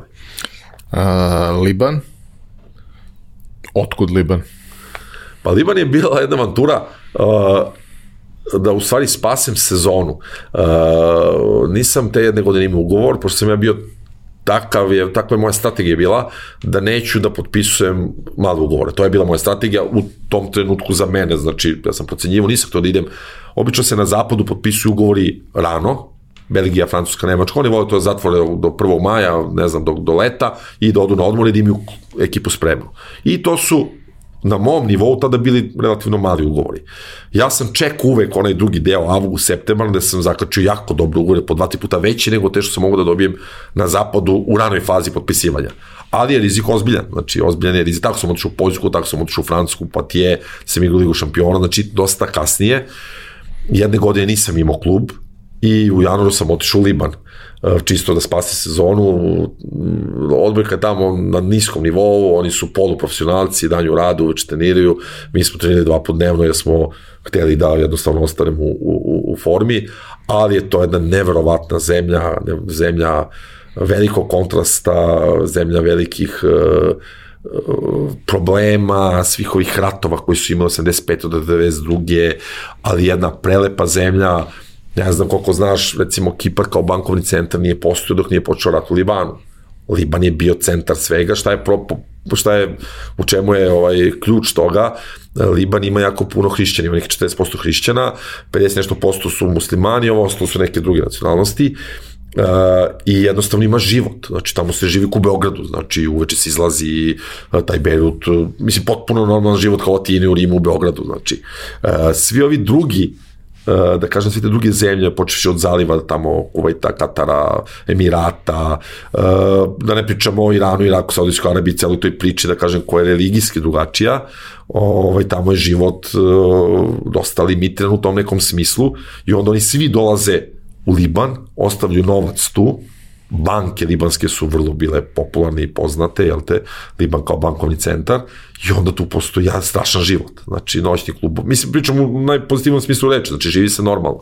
I dobra kuhinja. E, I dobra kuhinja, i prelepa zemlja, celo uz more, uh, Beirut je pre rata bio nazivan pa, kao Pariz Bliskog istoka, znači, stvarno jedan fascinantan grad koji je bio ceo ruiniran, u svim tim ratovima, tamo su ratovi trajali skoro 20 godina, slična priča kao kod nas da kažem u Sarajevu, znači linija razdvajanja, levo jedni, desno drugi i 20 godina se pucalo, a tu je ušao, rat u stvari počeo tako što, neka, što je Jasar Arafa došao u Liban, I navodno počeo da vodi rat protiv Izraela iz Libana, to je neka priča bila, onda je Izrael, nastala tu neka frka oko neka dva vojnika, ušao Izrael da brani hrišćanski deo, ušla je Sirija da brani muslima i kreće makljaža ozbiljna koja traje 20 godina.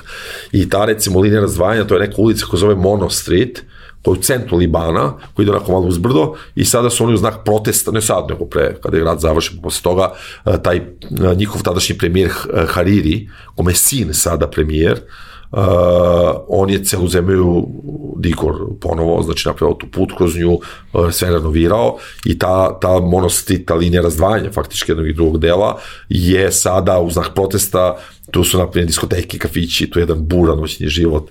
Ovaj, imaš recimo jednu sjajnu, sjajnu, jednu čudnu situaciju, ali onako lepo za vidjeti. U centru Libana se, su oni napravili kad sam ja bio tamo već je bila napravljena jedna kao, kao spomenik jako lepa džamija sa četiri minareta, ogromna, znači velika, ovaj, a pored, plac pored nje je hrišćanska crkva, jedna mala onako, znači ti onako gledaš, znaš, dva spomenika različitih kultura, jedan pored drugog. I to su oni u stvari. Tako da sada se tamo, i sada kad sam ja bio, nisam bio 2006. živalo potpuno normalno, išlo si iz jednog u drugog deo, u drugi deo grada, apsolutno normalan život je bio, ovaj, ali vrlo trusno područje, tužno područje, tamo Izrael, Palestina, Gaza, čitava ta frka oko, na kraju se desio rat u Siriji, 2005. sam bio u Damasku, igli smo baš iz Beiruta kup Arabiju u Siriji, I taj Damask isto bio jedan grad od 6 miliona, fascinantna ta stara Persija, i to sve to, sve to sad ruinjeno, sve to uništeno. Mislim, nažalost, znači te stare kulture, ali i dobro. Tako da. Znači, to je bilo, sa, sa profesionalnog aspekta, to ti je bila prilika da, da kažem, sezonu realizuješ u nekom Tako obliku, je. ali da u suštini ti je to možda bio u karijeri korak nazad.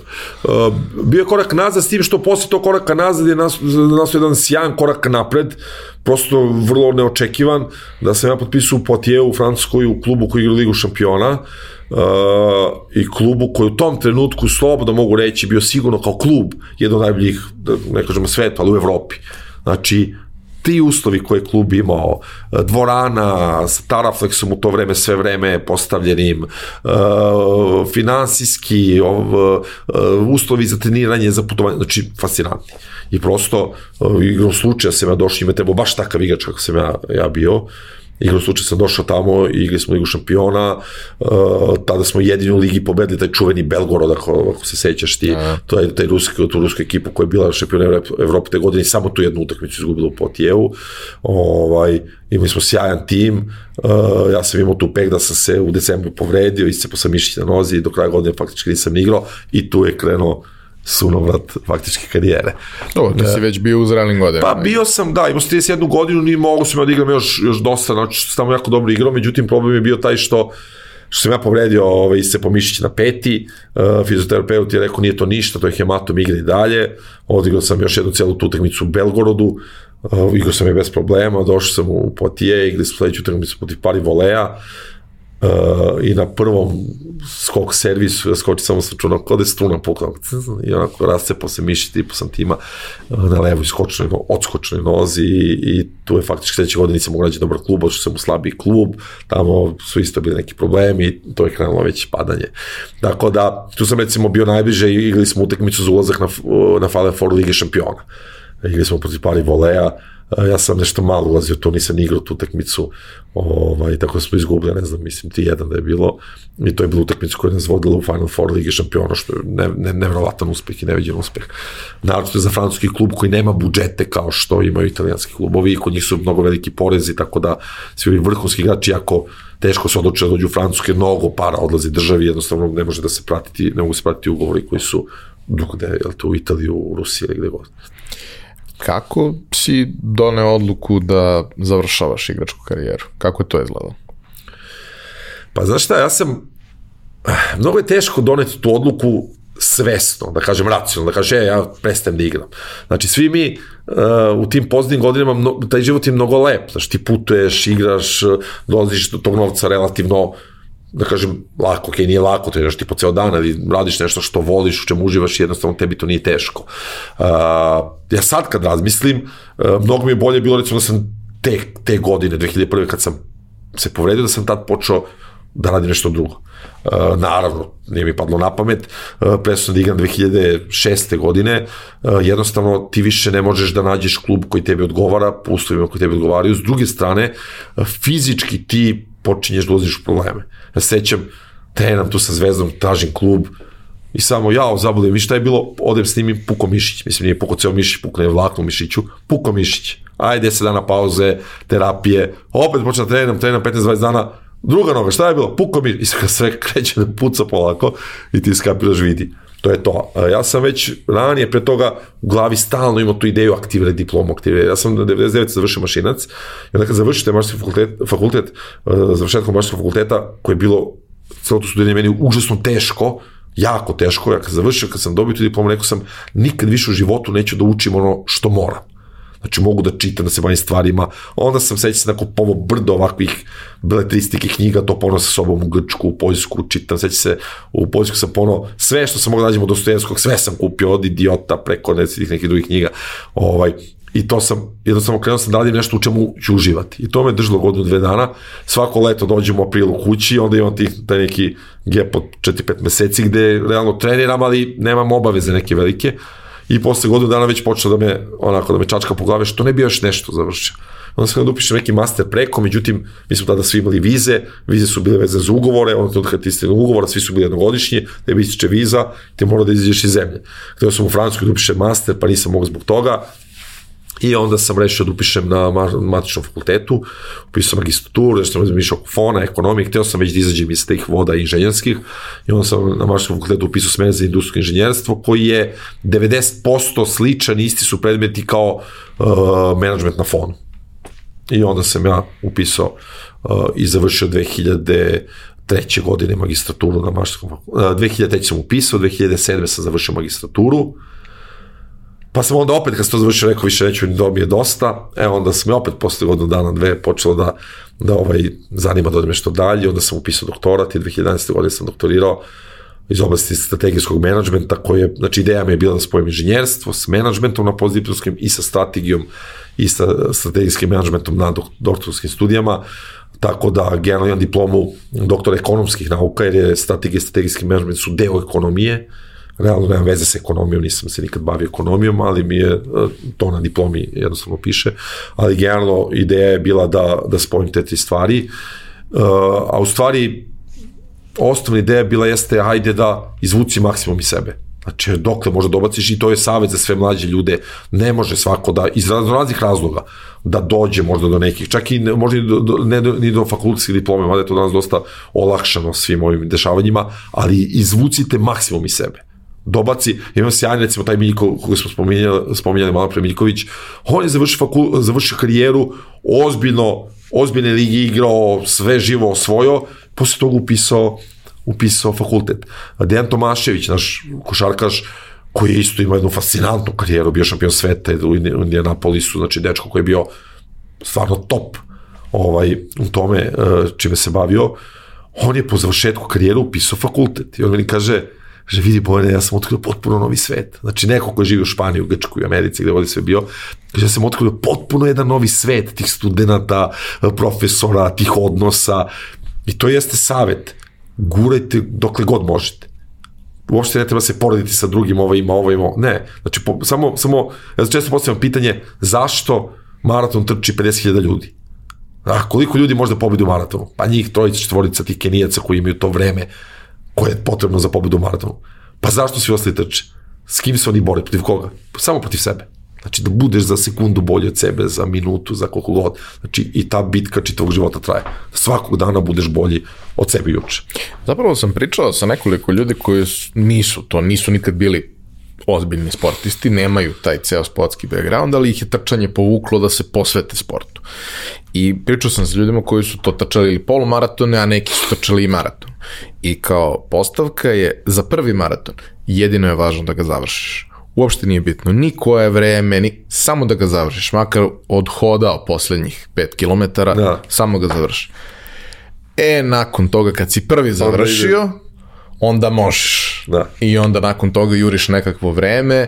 Mnogo češće ljudi se, da kažemo, ako, ako trče idu na polumaratone, jer to je nešto što, što je dostižno i mnogo dostižnije. Gde, je mnogo manja šansa da napraviš neki veći zdravstveni problem, povredu, bilo šta je, mnogo se lakše trenira, ali i to je ozbiljan poduhvat i onda i tu postoji taj, taj neki moment važno je da prvi završiš, onda je važno da, sled, da završiš prvi ispod dva sata, pa onda ide dalje i, i, i praviš nekakav nekakav progres koji je baziran na tvojim ličnim rezultatima. Nekad to bude i da se ekipa prijatelja skupi sa nekim sličnim karakteristikama, pa jedni druge guraju, da. ali najčešće se ti takmičiš zapravo sa, sa, sa sobom. Uopšte, izvini, samo, malo pa se počeo, pa mi, mi se otišao dalje, e, vezano tu, to, to, to je ta postavka ciljeva, znači stalno ti postaviš neki cilj, slažem se, prvi, kad istrač, ideja da istračiš prvi, a onda se takmičiš, ideš dalje, postavljaš neke sebi zahteve.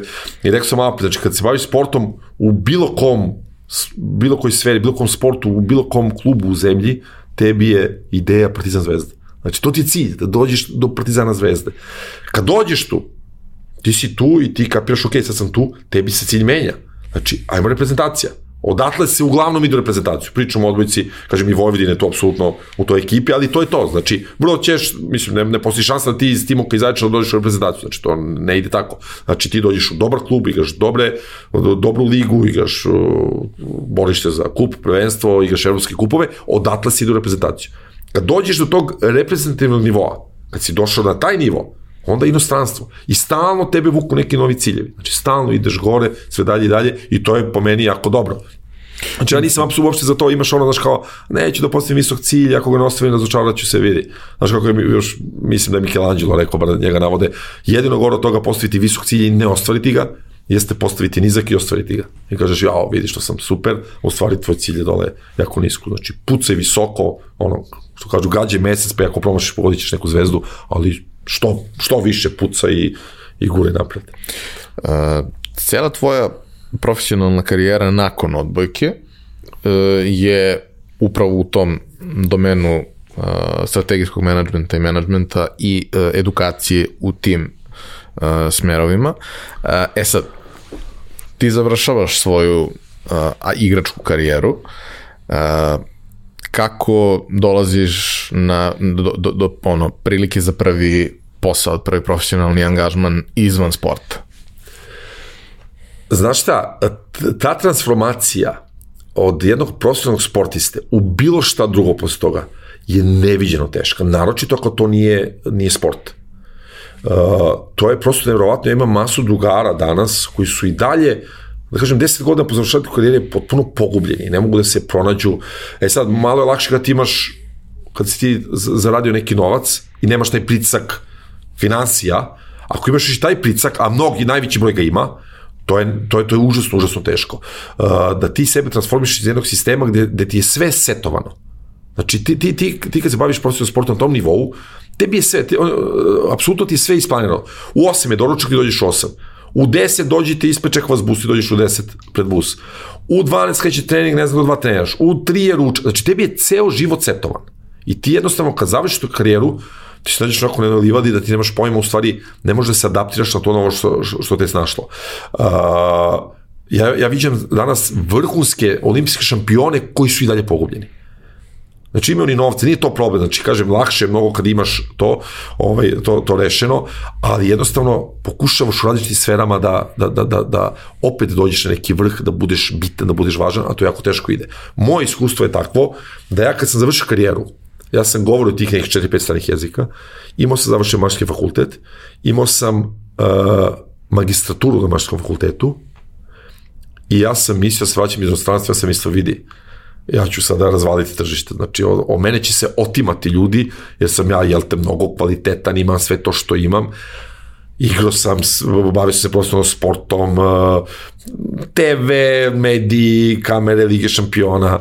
Međutim, vrlo brzo sam ja skapirao da ja u stvari nemam ništa što mi je potrebno za taj novi život faktički.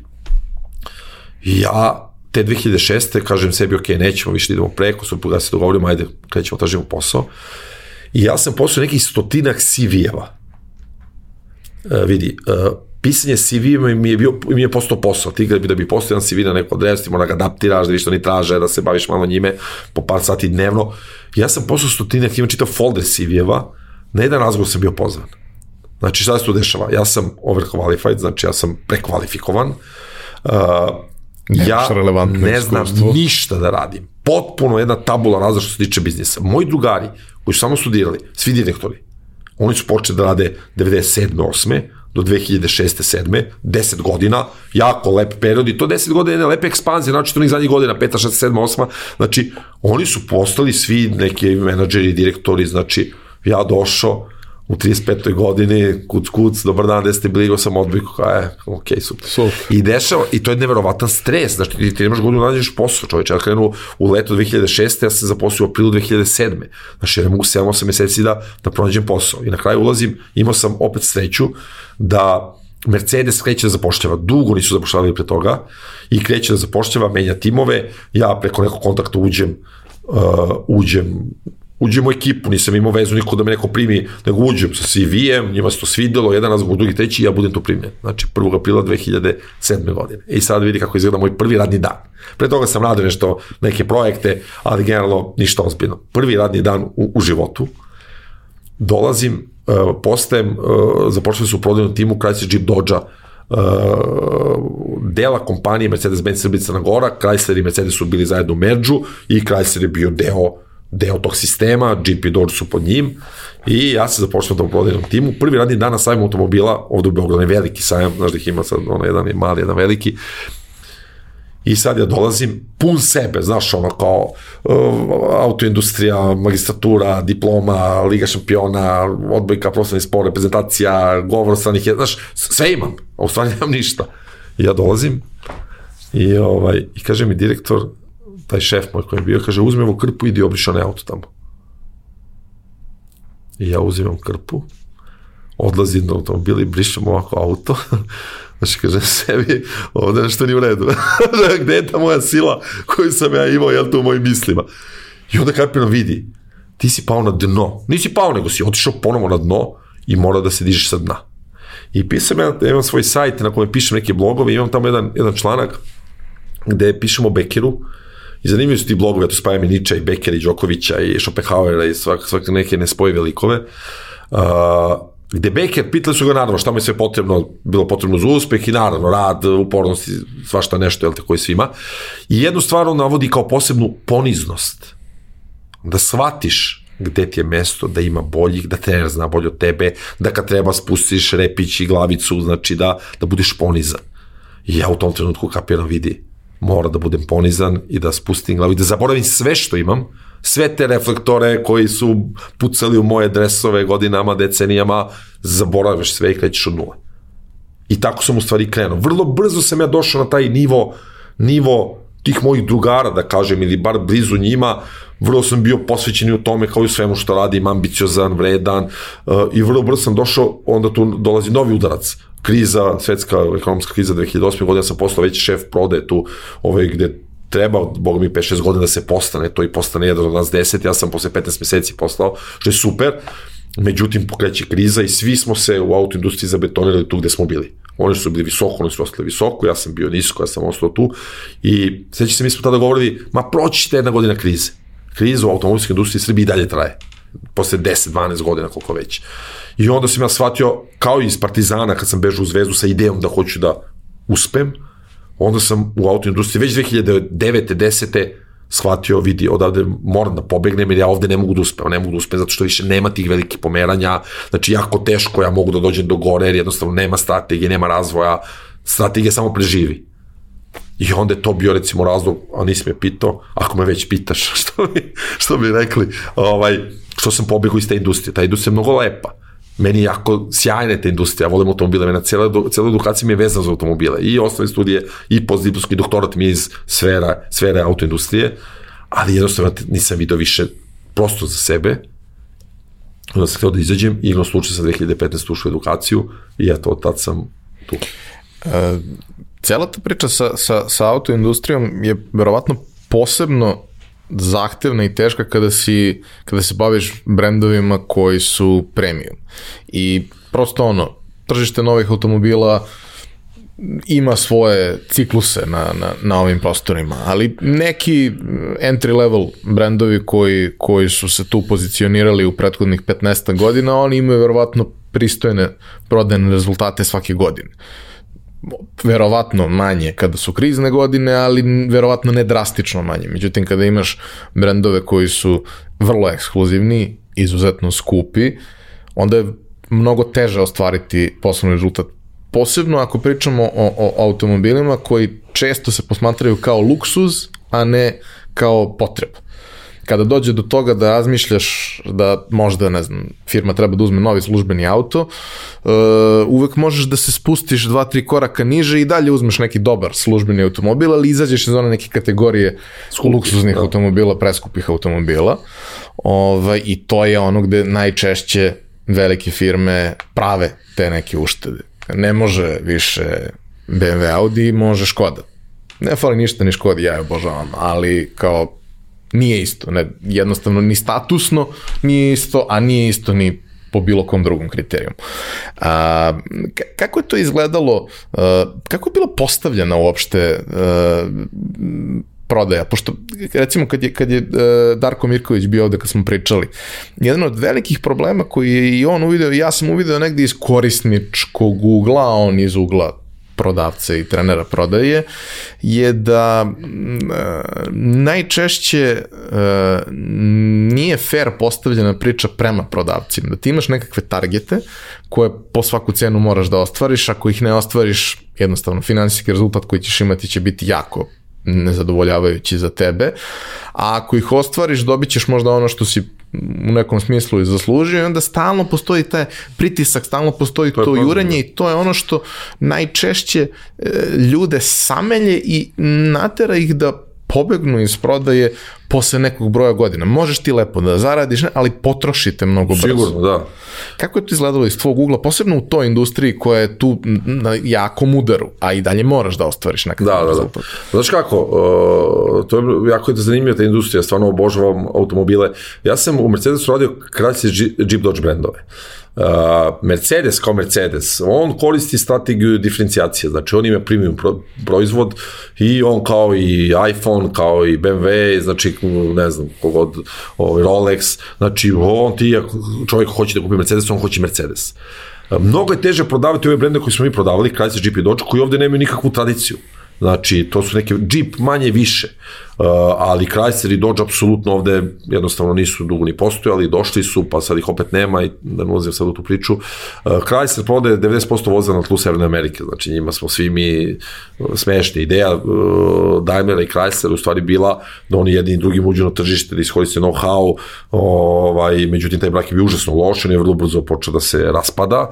Najveći problem, sad sam baš pisao članak na tu temu, najveći problem su bile kulture naroda, odnosno korporativne kulture, odakle e, su dolazili problemi, ta dva naroda, odnosno te dve kompanije, Amerikanci i Nemci nisu mogli da rade zajedno. I to je bilo mase problema. Oni su se spojili, 10 godina bili zajedno, već posle 7-8 krenuto razdvajanje, tri godine su pregovarali spajanje, 98. su spojili, 2007. su već, kada se već bio prodat. Uh, prodali, prodati su bili Kerberos Capital, on je probao da ih oživi, nije uspeo, prodati su 2009. godine Fiatu i sada je Fiat vlasnik Chryslera. Uh, Chrysler jako teško prodavati, mi smo se naprodavali Chrysler i Dodge samo iz jednog razloga jer smo prodavali, mnogo je bilo automobila koji su imali Volkswagenove dizel motore. To je taj trend u ovoj industriji da je da Mercedes koristi Volkswagenove motore u svom, u svom portfoliju Chryslera, Jeepa, Dodgea i sad čovek kad dođe pita koji motor ima mi kažemo pumpa Blizzardka TDI 2.0 Volkswagenov, hvala lepo, to je to.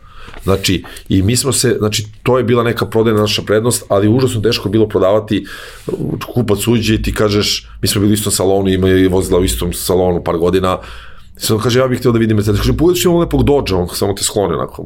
Nekam Dodge, ne znam, ja Mercedes, da, znači, jednostavno to je to čovjek koji hoće da kupi. Čak se dešavalo da kupe velikog Mercedesa, recimo GL-a koji košta 100 hiljada i dajte mi ovog Dodge, znaš ono kao, znaš ovo što mi je ostalo, dajte mi ovog Dodge 20 hiljada, znaš. Ovaj, tako da ja sam u autoindustriji radio i prodaju, radio sam posle i post prodaju, vodio sam dva servisna centra ovaj cela, radio sam i razvoj ovih proizvoda, radio, radio sam i business development, radio sam i, uh, i uh, svašta sam tu radio, znači malte ne pokrio sam sve ono što mogu da pokrijem kao inženjer, nisam radio financije, marketing, neke stvari koje jel te, ne mogu ni da radim, ovaj, I to je jedan vrlo zanimljiv i lep biznis kada je, kada je dobro vreme. Kada je, kada je teško vreme, užasno je težak biznis. Mercedes je bio takva firma koja ona užasno, užasno čuvala radnike, pričamo o tom Mercedesu, u tom trenutku kad sam ja došao, to je bila nemačka kompanija sa 100% kapitala Daimlera i Stuttgarta. 2040. kompanija je prodata, taj Mercedes Srbica Gora koji se zvao, on je prodat švajcarcima i od tada je švajcarska firma, imaju naših dilera Import Star i znači Emily Fry je vlasnik sada te firme. Mercedes dok je bio, oni su neverovatno vodili računa o svima nama, mi smo imali sjajne sjajne plate, bonuse, znači stvarno je to bilo neverovatno za to vreme. Uh, I ono što je bilo zanimljivo, bila je dobra korporativna kultura, dobra ekipa, uh, lepo je bilo raditi tamo. Uh, I on je imao, Mercedes, pričamo kompanije, je imala sve te uslove da ona mogla da zadrži, mi smo prodali bili svi inženjeri. Znaš, uh, imali smo jednog ETF-ovca, jednog dvojicu saobraćajaca, mašinaca, troje četvoro, jednog fonovca, znači jednostavno nas Kao inženjere je Mercedes držao tu u prodajnom timu, što generalno možda radi bilo ko, ne treba ti diploma da bi radio prodaju, jel? Ovaj, ali su oni toliko dobro računa ljudima, pazili i dobre uslove smo imali da smo mi svi tu bili inženjeri. I taj tim je bio jako dobar i kvalitetan, masa nas je otišao posle toga na svoj, jel, svako svojim putem, ali ovaj, to što kažeš za prodaju, da te gute, da te melje, svaka prodaja je takva, znači ti stalno imaš neke targeti, pitanje koliko su ti targeti realno postavljeni, dok je dobro vreme, mi smo gurali te targete, ostvarivali, dobili bile bonus i sve ostalo. Međutim, kad krene zlo vreme, naravno firma te gura da ostvariš target da bi živela, a, a ti te targete ne možeš da ostvariš, to je postoje pakao, postoje noćna mora, ako firma nije, nije, da kažem, ne prati dešavanje na tržištu, meni se dešavalo, radio sam posle toga u nekim drugim firmama, gde dođe direktor i kaže, mi smo recimo imali target neki 100 jedinica, mi smo ostvarili 60, tržište je pao 40%. I on dođe i kaže, sledeću godinu moramo da rastemo 20%. I sad ti postojiš logično pitanje, čekaj kako da rastemo ako tržište pada 40%, odnosno u čega mi da rastemo 20%?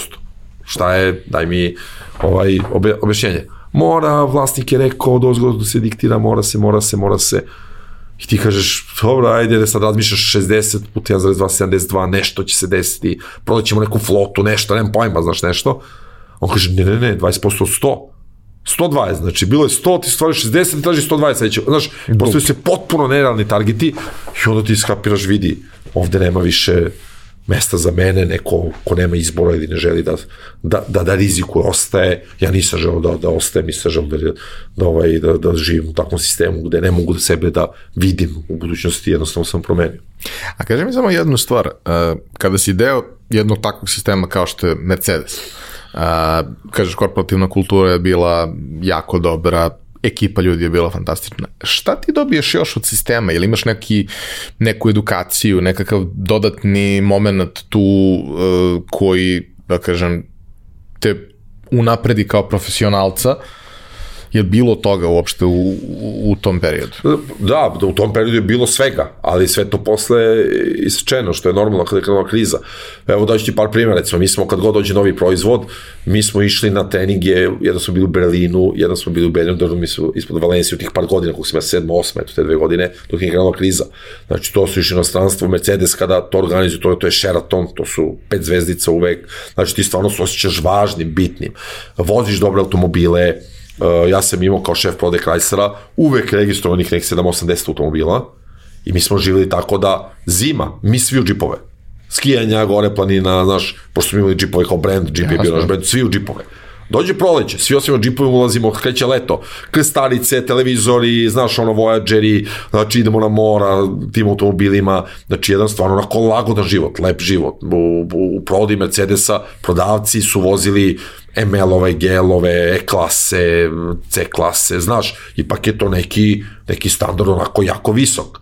I to se gajala takva kultura. To ti je bio neki benefit, ne pričam nekim drugim, uh, imao si besplatno gorivo kogod možda potrošiš, znači ideš sipaš, niko te nikad ne pita gde si potrošio, tebi to na, u jednom trenutku prije, onda shvatiš velje, možda potrošiš rezervoar, rezervoar, pa ne možeš više kako god da se voziš, znaš, ove, ali to je benefit koji ti firma daje.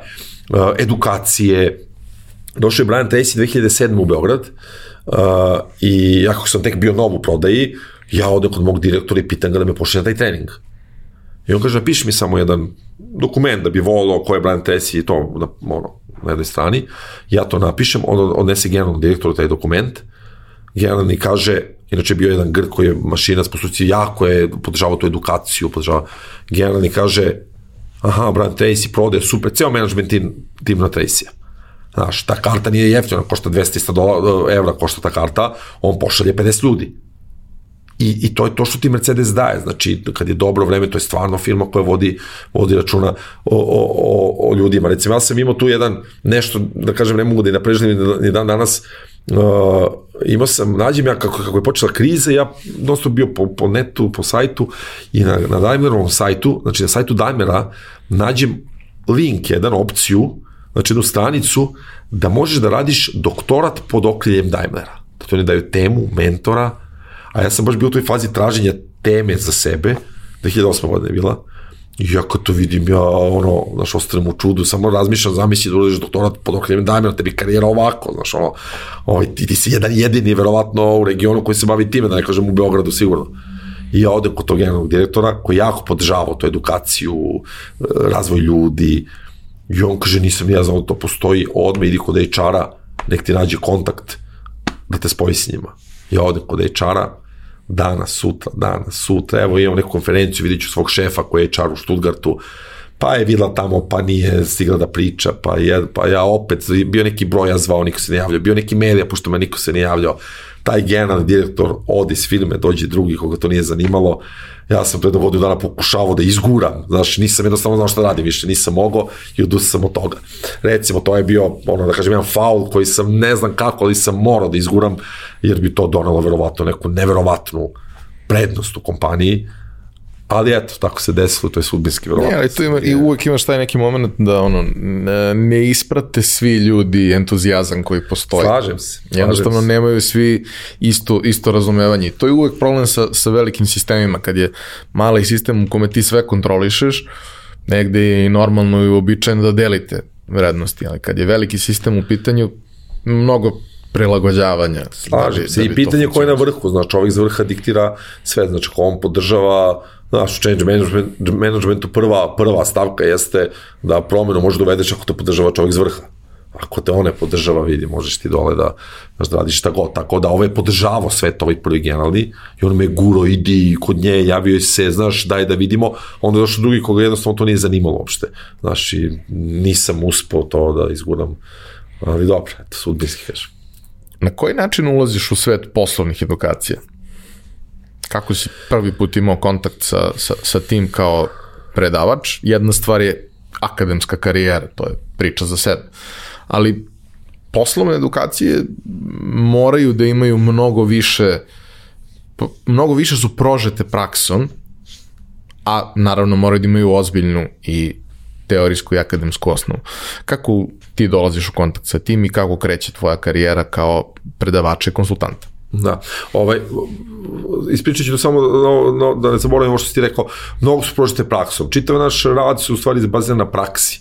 Znači, ljudi koji kod nas dolaze, a to je edukacija menadžera iz prakse, znači, oni ne trpe ex katedru, znači, jednostavno ti ime pričaš neke e, studentske stvari, definicije, ok, možete je provući, koristiš i ti, naravno, jer se bazira na, na literaturi, znači, ali generalno oni hoće da čuju praksu i uh, naravno da ja koristim kao svi drugi u ovom biznisu kojim se ja bavim. Ja sam 2013. godine bio uh, u autokući kompresor, uh, tu sam bio direktor postprode za kraljice Jeep Dodge i Fiat, I uh, ta kuća koja je deo sistema sa Lilijem, zajedno Hlebi Kiflom i Iskanom Smederevo, oni su, uh, oni prate Mokrogovsku školu menadžmenta od samog početka. Znači, vrlo su zadovoljni tim radom, dugo su tu. I 2013. godine sam ja otišao da slušam jedan program koji zove Liderstvo i strategija.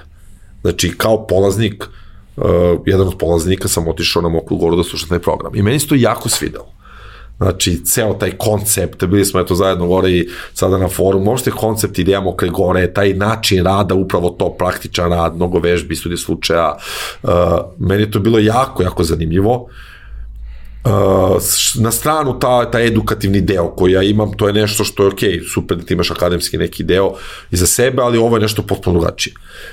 Uh, I onda 2015. igrom slučaja ja se nađem sa Srđanom koji je vlasnik škole, sama škola 2009. je napravljena locirana na Mokroj gori, ko ne zna, eto ima kampus ovaj, na, u centru Beograda u Vukovi zadužbini stvarno je fascinantna škola, poslovna škola za edukaciju odraslih. Uh, I on mene poziva da radim, da, da krenemo da radimo zajedno. Meni se dešava da ja odlazim iz autoindustrije, treći put odlazim, da ne kažem, možda je grubo reći dobijam otkaz, ali jednostavno u autoindustriji se dešava takav trend da se seku ljudi na vrhu zbog troškova. Nema razvoja, nema strategije, samo preživi, jednostavno treći put, prvi put u Mercedesu, mi ugašen tim, jednostavno kada se izašao iz Mercedesa 2011. ja sam otišao s njim, i još dva puta posle toga se to dešavalo da se sekutu ljudi iz vrha, ja sam skapirao vidi, ovde nema, za mene, lično više tu nema mesta. I dešava se taj razgovor sa Srđanom, on me zove da krenemo da radimo zajedno i mi krećemo polako da radimo i vrlo brzo ja tu postajem profesionalac i postajem posle par meseci zaposlen u školi, škola krene da, da radi dobro, da, da, ovaj, da se poboljšava, povećava volume rada i ja posle profesionalac. Pet godina sam bio direktor za razvoj u školi, eh, predavač, eh, tu sam, postao sam i jedan od, da kažem, akcionara škole, Tako da sam pet godina tu bio profesionalac, a pre dve godine sam operativno izašao, izašao iz škole, dalje sam jako vezan za nju, tu sam vodići predavač iz oblasti strategija, strategije i dalje sam jedan od, od da kažem, vlasnika ovaj manjih, jel te, držim jedan deo manjih, manji deo akcija, a imam i svoj centar za edukaciju koja se ra, naziva implementacija znanja, koja je kao nešto potpuno svoje, to je nešto potpuno jedna nova priča preduzetnička u kojoj ja nikada nisam bio, ja sam korporativac uvek sam bio nekim sistemima, a evo već dve godine guram tu svoju priču ovaj, koja je potpuno drugačije, nešto, nešto, znači nešto što ja nisam doživao, a mnogo mi je zanimljivo i interesantno da razvijem nešto što je moje. Tako da, e, počeo sam eto, to samo, samo da kažem kako te život u stvari baca levo desno, ovaj, ja sam 2013. godine bio polaznik u školi na tom programu liderstva i strategija. Samo dve godine nakon toga, 2015. sam počeo da predam u školi, a 2016. sam već predavao na tom istom programu koji sam slušao 2013. godine. Znači, tako da, jednostavno, ali opet, uh, sad je to moja treća neka karijera, znači sport, autoindustrija, neki 10, sport 15 godina, autoindustrija 10 godina i evo 9, 7, 8, koliko već godina u edukaciji. Znači, potpuno drugačija karijera i opet se tu javlja ono što sam malo pre rekao, znači 2015. opet ulazimo u tu poniznost, u, to, u taj, taj mod da ja kapiram, vidi, ja krećem od nule, ja nisam imao velike iskustva predavačka, Uh, držao sam, godinama sam pre toga držao predavanja u Prirodnoj komori Srbije, uglavnom u Prirodnoj komori Beograda na tu temu na koju sam doktorirao balansirana mera performansi, strategija, strategijski menadžment, ali sam imao to jedno, dva put godišnje, znači nisam imao neka velika iskustva. I onda sam krenuo da učim. Opet ista priča, znači krećeš opet od nule. Znači nova, treća, potpuno nova karijera i ti krećeš da učiš. Učim od sjajnih ljudi koji su tu u tom trenutku bili počeli od srđana koji je vlasnik škole i s jednim bogatim iskustvom uh, i od drugih kolega, znači ti krećeš da učiš, krećeš da se razvijaš, da napreduješ i to je to u stvari što mene stalno vuče napred, stalno neko učenje, stalno ja jako, jako puno čitam i uživam u tome i kapiram da ta priča koja sada svima nama ide, doživotna edukacija, doživotno obrazovanje, dualno obrazovanje, vidi to, uh, mnogi od nas verovatno kapiraju, to je neka fraza, nešto su sad popularno, ali uopšte nije tako. Znači, stvarno mi svi moramo svako, evo ti isto, priču sam i s tobom, svakog dana moramo da učimo, onog dana kada stanemo sa učenjem, sa razvojem, sa čitanjem, mi smo mrtvi. Znači, već sutra mrtav dolaze brži, bolji, jači i to je to. Tako da... Tako je, i mislim sve je više industrija u kojima prosto ne, nema tolerancije na to da nisi u toku sa tim šta se dešava.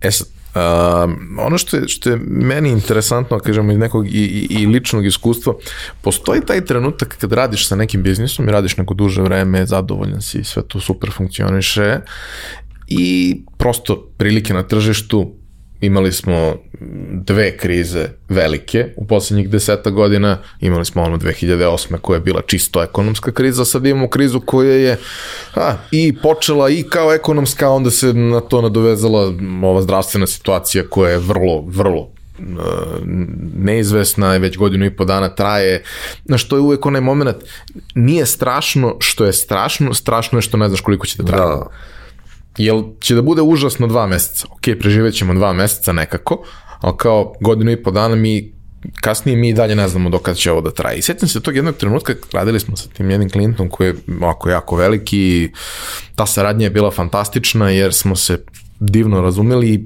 i nakon toga kad su ti ljudi promenili firmu, otišli u druge timove, smo nastavili da radimo na, na različitim projektima. Ali sjećam se tog trenutka kada, kada mi kažu, e, Pa ništa, nećemo, ovaj, nećemo više da se družimo ovde toliko, pa kao što je, šta se desilo, ja sam nešto pogrešio. Ne, ne, ne. Znaš, mi smo poslednjih 10 godina imali razvojni budžet, a sad imamo budžet za preživljavanje. Kao, dobro, kakva, kakva je razlika? Pa kao razvojni budžet je budžet koji smo dobijali, koji je bio, mislim, ja sam klinac u tom trenutku i dalje. Kao, imali smo budžet gde je naš zadatak bio da zauzmemo ovo tržište, dobro se pozicioniramo, pumpano je iz centrale da se što bolje pozicija zauzme. E sad smo je zauzeli i oni su sad shvatili šta je neki maksimum koji mi ovde možemo da napravimo mi sad ovde dobijemo budžet koji je dovoljan taman da mi preživimo i to je to. I to znači da sve te lepe stvari koje smo radili, na kojima smo negde izgradili tu reputaciju, više nećemo raditi. Ili ćemo ih raditi minimalno tu i tamo po nešto, ali u suštini nema toga više. I tako je bukvalno i bilo, nažalost. I, i to je nešto što, što se često dešava, ti neki ciklusi se često dešavaju kako se dešavaju krize. Kad radiš sa multinacionalkama, nekad možeš da ono, predvidiš krizu jer te sve stvari obično dođu par meseci ranije kroz neke najave. E sad moramo malo da se skupimo, sad moramo malo da pazimo i onda par meseci nakon toga stvarno dođe taj talas koji je, koji je najavljivan, koji sa sobom povuče određene posledice. Ovaj, ali ono što mi je kod tebe fascinantno kroz celu tvoju karijeru i, uh, je taj moment da ti krećeš svaki put u nešto novo, ali se to sasvim logično kad ti to gledaš sa strane, ovako ja kad gledam sa strane, tebi možda ne, ali me, sve se to lepo naslanja jedno na drugo, sve je to jedan logičan nastavak, ali podrazumeva da ti sad izađeš iz svoje zone komfora, izgradiš jedan novi deo koji nisi imao, koji se super naslanja na ovo što je bilo, ali, ali postoji taj jedan mali deo, ako ga preskočiš, ne možeš da napraviš nikakav rezultat, ali ako, ako dođeš ono, u, u, u mindset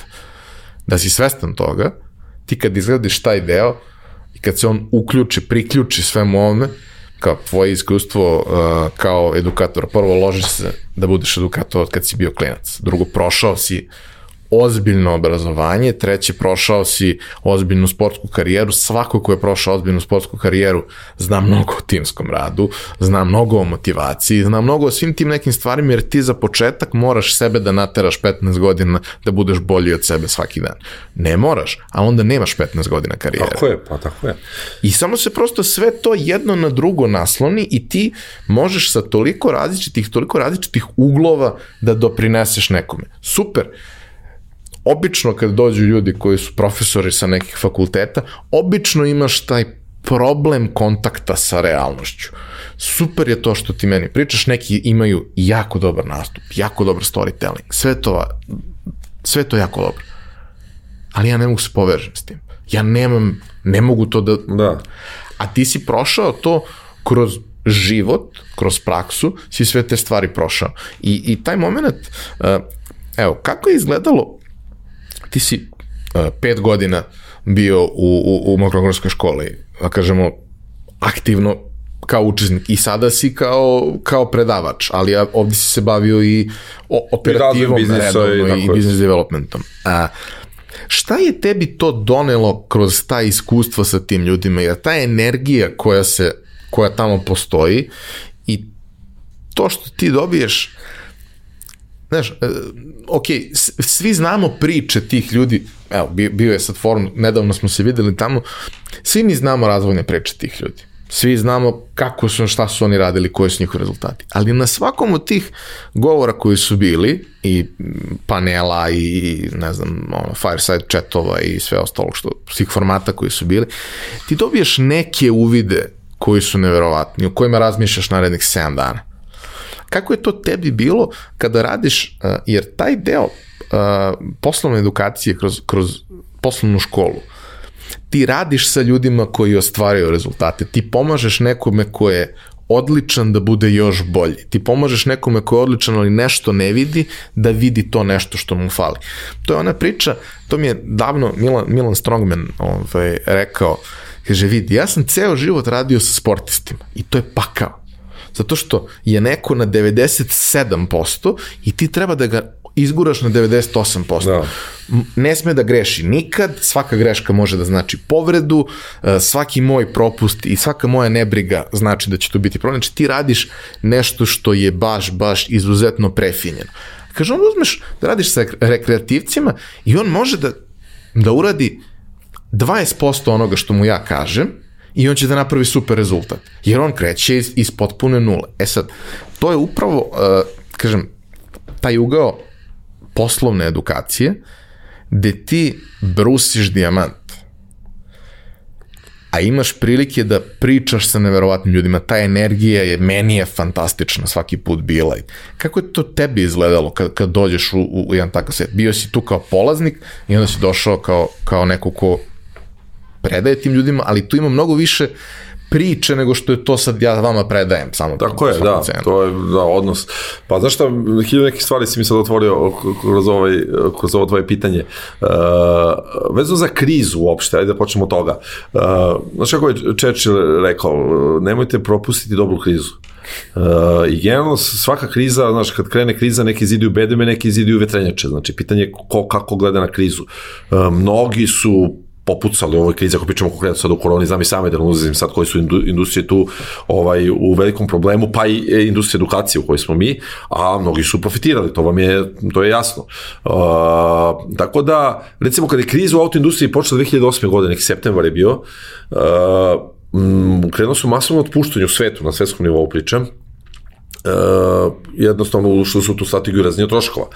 A Toyota je rekla ovako, ne, mi nećemo da otpuštamo, mi ćemo da radimo u krizi sa svojim ljudima, da ih obrazujemo, edukujemo, da budu bolji kad se kriza završi od konkurencije. I to se upravo desilo. To je te vrlo brzo postala broj jedan svetski ovaj, po broju protih automobila, to je nekom 2010. godine. Ovaj, uh, tako da, pitanje je kako gledaš na to.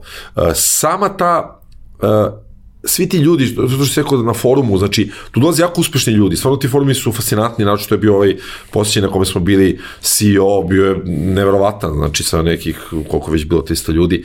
Uh, I svi ti uspešni ljudi uh, su negde napravili razliku. Znači, to jeste uh, ključ kako da ti napraviš razliku da budeš drugačiji od drugog. To je ono što ja propagiram. Recimo, kada igraš u nekoj sređenoj zemlji, kad se baviš recimo sportom u Francuskoj, kada kažem, je, Ivan za vas, neki klub traži igrača, kažem, Ivan je za vas super igrač. A oni mi postave samo jedno jedino pitanje. Pitaju me, da li Ivan pravi, pravi razliku? Da li praviš razliku? Znači, razliku možda praviš igrački, odbranbeno, napadački, motivaciono, energetski, kako god. Znači, zavisi šta meni treba. Znači, bitno je da mi napraviš razliku, kao stranac. Ako ne praviš razliku, pustit ću nekog klinca francuza 19 godina i njega ću da, da, da tu ovaj brusim. Znači, isto je kod nas u, u ovome čime se svi mi bavimo. Znači, mora praviš razliku. Kopija ima kako god hoćeš. Ja se trudim u mom svetu, u mom poslu koji se bavim da napravim razliku. I to mi se često dešava, skoro sam dobio mail od neke, od neke žene koja je čar u nekoj velikoj firmi, kaže, vidi, mislila sam da, da znam sve, na tržištu postoji, kad sam videla tvoj sajt, sam zaključila ti si drugačiji od drugih. I mene, mene to zanima, da napravim razliku. Uh, škola, znači, kao škola, ona, ona pravi ozbiljnu razliku. Znači, ti kad uđeš u to pravljenje razlike, tebi ne zanima šta radi konkurencija. To je ta strategija plavog okeana, Blue Ocean, to je radio Jobs, to rade mnogi, to, i svi se trude to, to urade u stvari. Da izađeš iz te tog okeana puno krvi, jel te, da je konkurencija velika, da uđeš u plavi okean, da je mirna vodi, da ti nemaš konkurenciju i da te baš briga šta je konkurencija.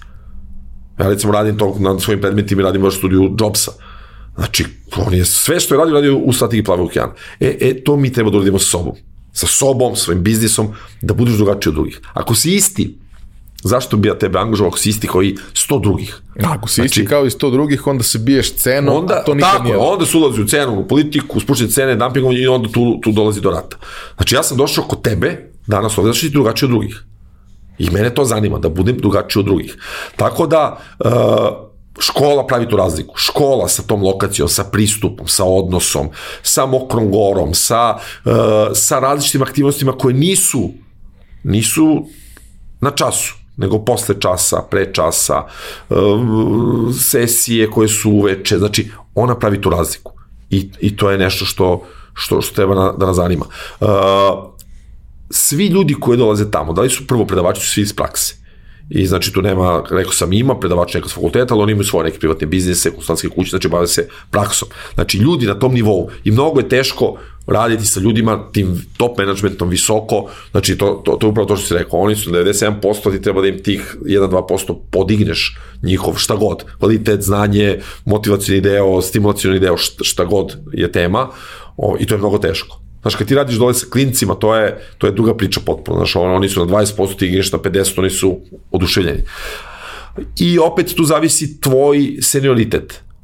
Neko ko je, ko je recimo srđan, radi sa seniorima koji su, on mnogo bolje radi s top managementom od mene, što je logično, ima taj senioritet koji ja nemam. Ima taj, tu je bio inostranstvo 10 godina, radio na visokom nivou, možda mene neki niži menadžment bolje razume nego njega, u tom nekom smislu, jer sam im ja bliži godinama i bliži uh, iskustvima, znanjima, ali znači ti mora da znaš da ti je mesto. Tako da mnogo je teško danas raditi, sa inženjerima je mnogo teško, mi smo mnogo teški za rad, inženjeri, uh, sa IT-evcima je mnogo teško raditi danas, uh, zato što su zahtevni, znači ne trpe koješta, daj mi... A imaju i velike očekivanja. E, imaju velike očekivanja, tako je i, I imaju jako velike potrebe. Potrebe i jednostavno i sad mi svi treba da se borimo, da se razvijamo uh, kako ja to radim. Stalno pokušavam da, da, da imam nešto novo, da naravno svimo, svi mi naše predavanje stalno updateujemo, uh, tražimo nove studije slučaja, nove primjere iz prakse, sebe razvijamo, na svoj, radimo na svom ličnom brandingu. To je jedna tema koju mi često radimo ja kao brand. Koliko ja radim na svom brandiranju koliko firmu koji se nalazim radi na mom brandiranju sad kad bi bilo da nudi se tu priču, da sam ja skoro počeo da radim sad pre par meseci, da sam pozivao jedne švajcarske škole, koje zove Swiss School of Business and Management, da se bavim studentima koji su na doktorskim studijama i da budem njihov mentor na tom DBA-u, znači razlika između PhD i DBA, DBA neko ko o, ide na DBA, neko ima MBA, pa hoće da nadogradi sebe s tim doktorskim radom, na tom do, dobio faktički diplomu doktora, Doctor of Business Administration. I sad sam dobio, ima dosta tih online studenta, eto, to je ono što sam rekao malo pre, pa se na to nadvezujem, neko gradi bedeme neko vetrenje, znači škola je zaključila da online ide, tako i svi mi što smo zaključili, ima veliku ekspanziju i oni imaju jako puno istočnjaka, indijaca, tih istočnih studenta, koji su upisali školu u Švajcarskoj i hoće da radi doktorat u, u Švajcarskoj. I oni su mene pozvali da budem jedan od mentora i koliko god je meni to teško, ja imam, imam neki dvadesetak studenta tu s kojima radim, s kojim sam počeo da radim, tek sam počeo, vidi, svaki dan samo, samo, samo, samo, samo, mailovi. samo mailovi samo stižu, znaš, i koliko god je meni to teško, ja kapiram da ću ja prvo da dobijem referencu sjajnu, znači da radim kao, do, kao mentor na doktorskim studijama na švajcarskoj školi, dobijem strašnu referencu, dobijem know-how koji nemam, dobijem neka nova iskustva, rad sa tim novim kulturama, znači svašta nešto dobijam, a vidim, mnogo mi je teško da, da, da to iznese sve. Znači oni su zahtevni, ali to je to, ako hoćeš da ideš gore, moraš da moraš da u nove vode, u nove, i, i to je nešto što nas drži. Ali taj moment gde ti radiš uh, sa ljudima koji ostvaraju rezultate, znači ti nisi došao kod nekog ko nema rezultat nikakav, već ti ljudi svi imaju dobre rezultate, oni su vrlo uspešni u svemu tome što rade. Bilo, da kažemo, kroz mokrogorsku školu, što kroz tvoj lični, individualni, da kažemo, rad uh, i konsultantski i mentorski, uh, ti radiš sa ljudima koji imaju dobre rezultate, ti imaš, radiš sa ljudima koji su ostvareni, koji prave uh, ozbiljne rezultate na ovom tržištu ili na regionalnom tržištu ili neki su i, i, i globalni igrači. Znači ti već imaš nekog ko trči i trči jako dobro i treba da nađeš te neke finese, a opet treba to da uradiš na način da ne poremetiš sve ono što, što već postoji.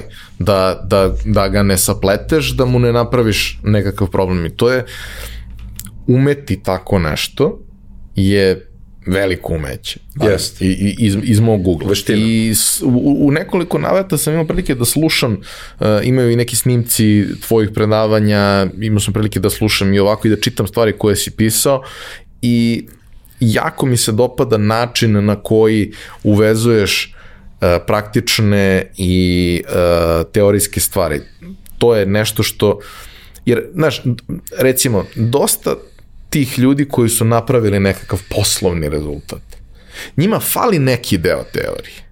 Što, što kaže ja moj prijatelj koji je uh, završio prava, a bavi se ceo, ko, ko srđan otprilike, ceo život se bavi menadžmentom, završio je prava, nema veze s tim.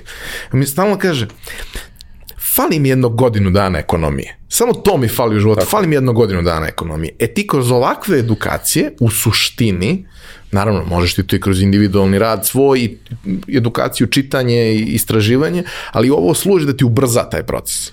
Da ti sažvaće to što bi radio šest meseci sam na dva, tri dana ili na nekoliko puta po nekoliko sati gde ti dobiješ sažvakano, primenjeno u praksi, aplicirano, probaš, kreneš, vidiš kako radi i onda odatle se širiš ili sam ili uz neku pomoć širiš svoje znanje u nekoj oblasti.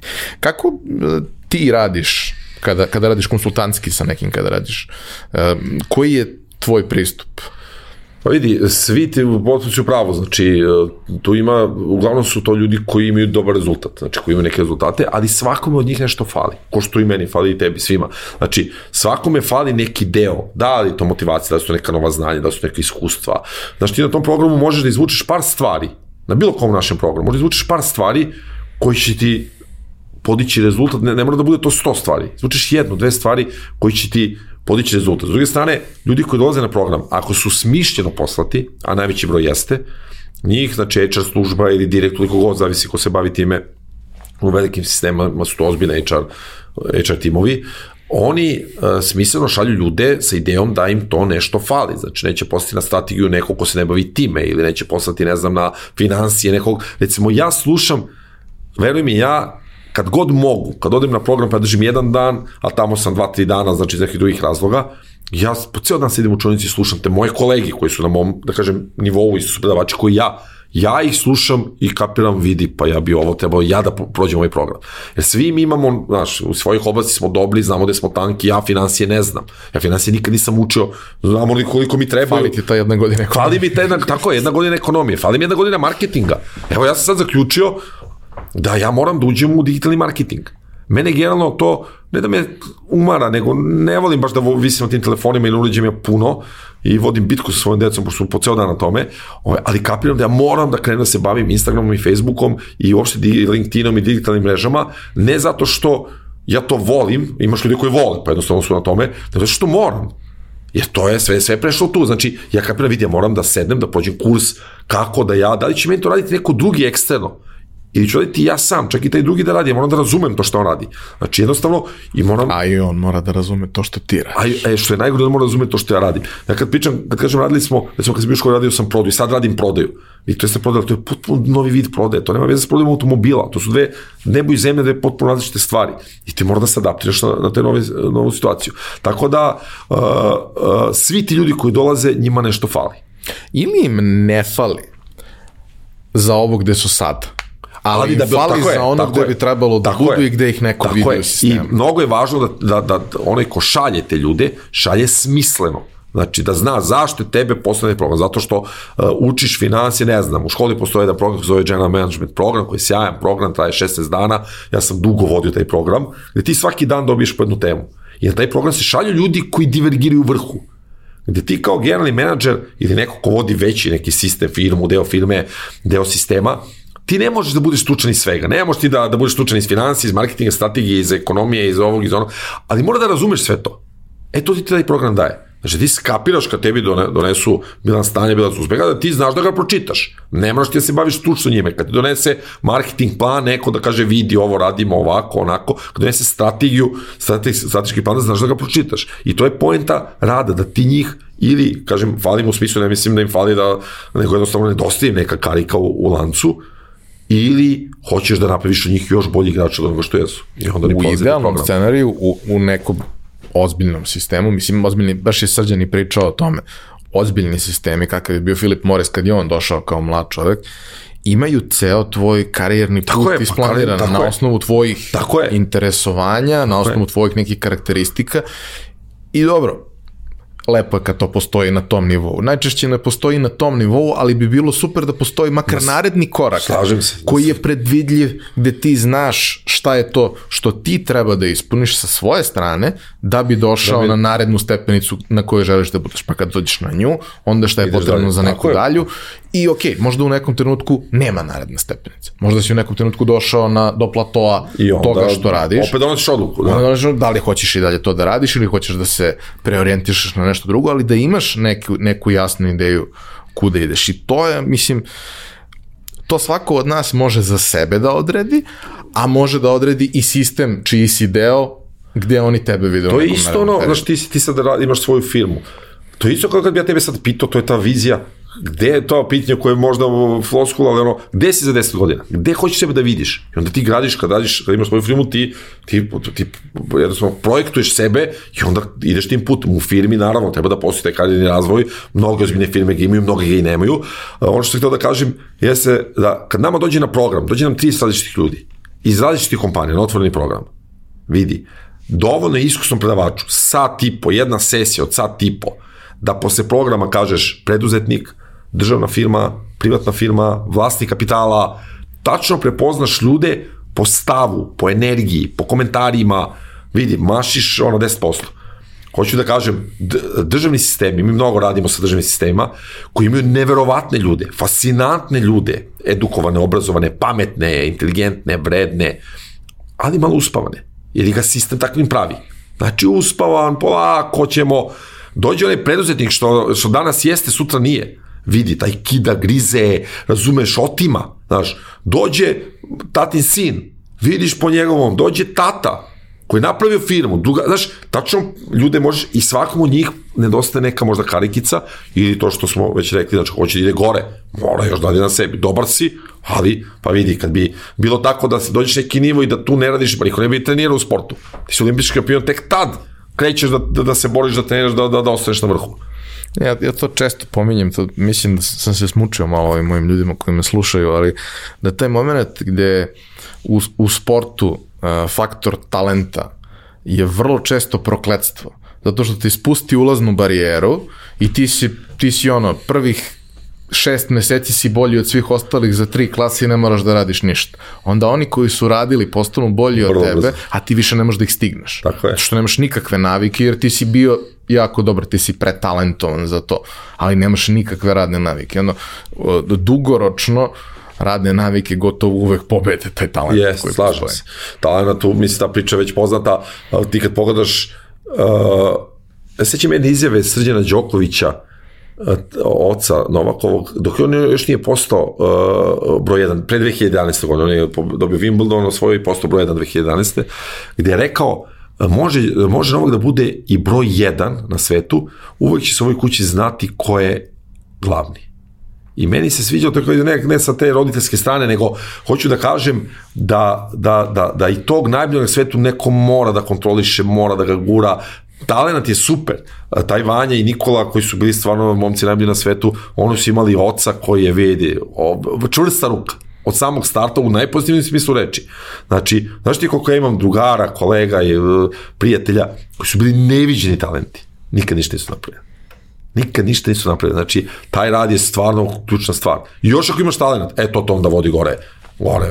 To te samo ubrzava. Da, to ti to, samo to, da, da bacate ono, znaš, kao, kao strela. Ali ako ne radiš, pa džabe. Ne možeš, znaš, to je jednostavno i što, što, što ideš više, sve više radiš. Pa svi ovi, stalno slušamo priču, Ronaldo najviše trenera. Svi ovi najbolji na svetu, ja kažem, opet se pozivam na taj moj blog, tamo ima jedan članak koji sam pisao o, o Kobe Bryantu, Michael Jordanu, vidi, Kobe Bryantu pola pet ujutru trenera u sali. Budi fizioterapeuta, da, ga, da mu dodaje lopte, on u pola pet kaže, ja dođemo, on, on mokar, već, već uradio ono sad vremena treninga.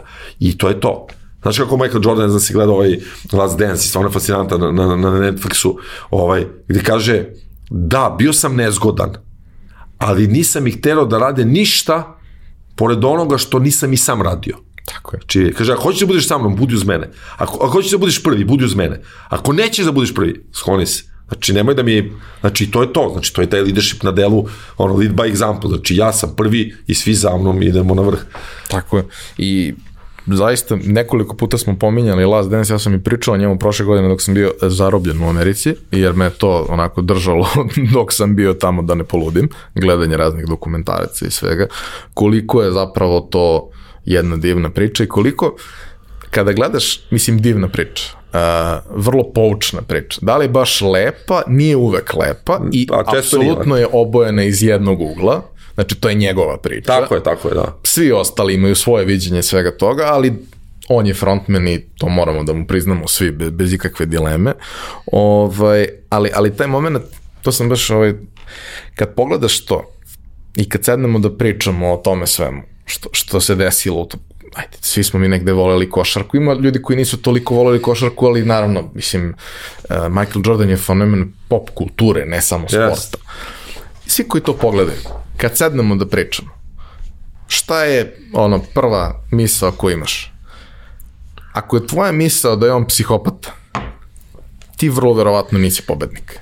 I ono, nikad u životu nisi bio pobednik, nisi bio lider. Nije uopšte sporno da je on psihopata.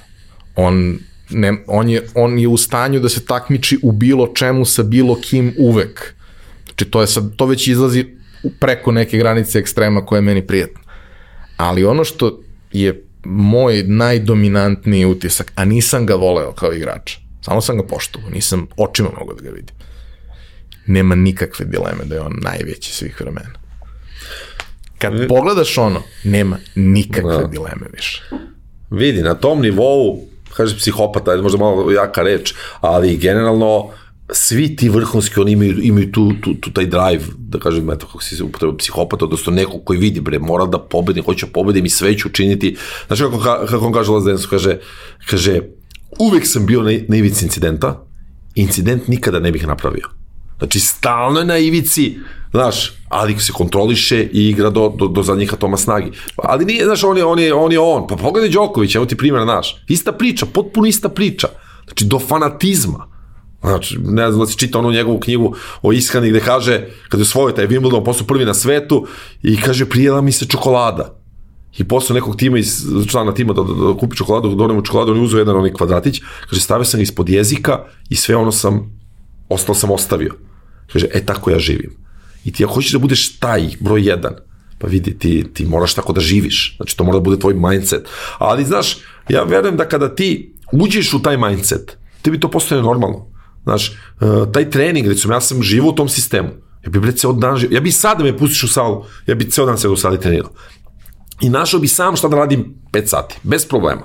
Znači, to je taj, ti uđeš u taj, u taj mod da bi ti po ceo dan trenirao. I poznaješ svoje telo i Sve. istražuješ I kontrolišeš sve, sve ga i sve, da. I stalno znaš šta je nešto što možeš da unaprediš. Ne možeš uvek sve da unaprediš, ali znaš na čemu treba da radiš. I to je nešto što svi treba da probamo da nađemo i u svom telu, ali u svom umu, i u svom znanju Tako je. i u svom nekom, da kažemo, uh, s, s, u sebi kao profesionalcu treba da prepoznamo te neke dobre, jake strane, te neke slabe strane, da prepoznamo koji deo nas hoćemo da razvijemo i onda da radimo na tome, zato što e, na kraju dana jedino je to znanje koje imamo nešto što niko ne može da nam oduzme. Tako je, tako je. Sve te titule, sve te stvari koje imamo u nekom trenutku, poziciju u CV-u, e, jako komplikovan naziv titule u nekoj jako velikoj firmi, sve to možemo u jednom trenutku da izgubimo,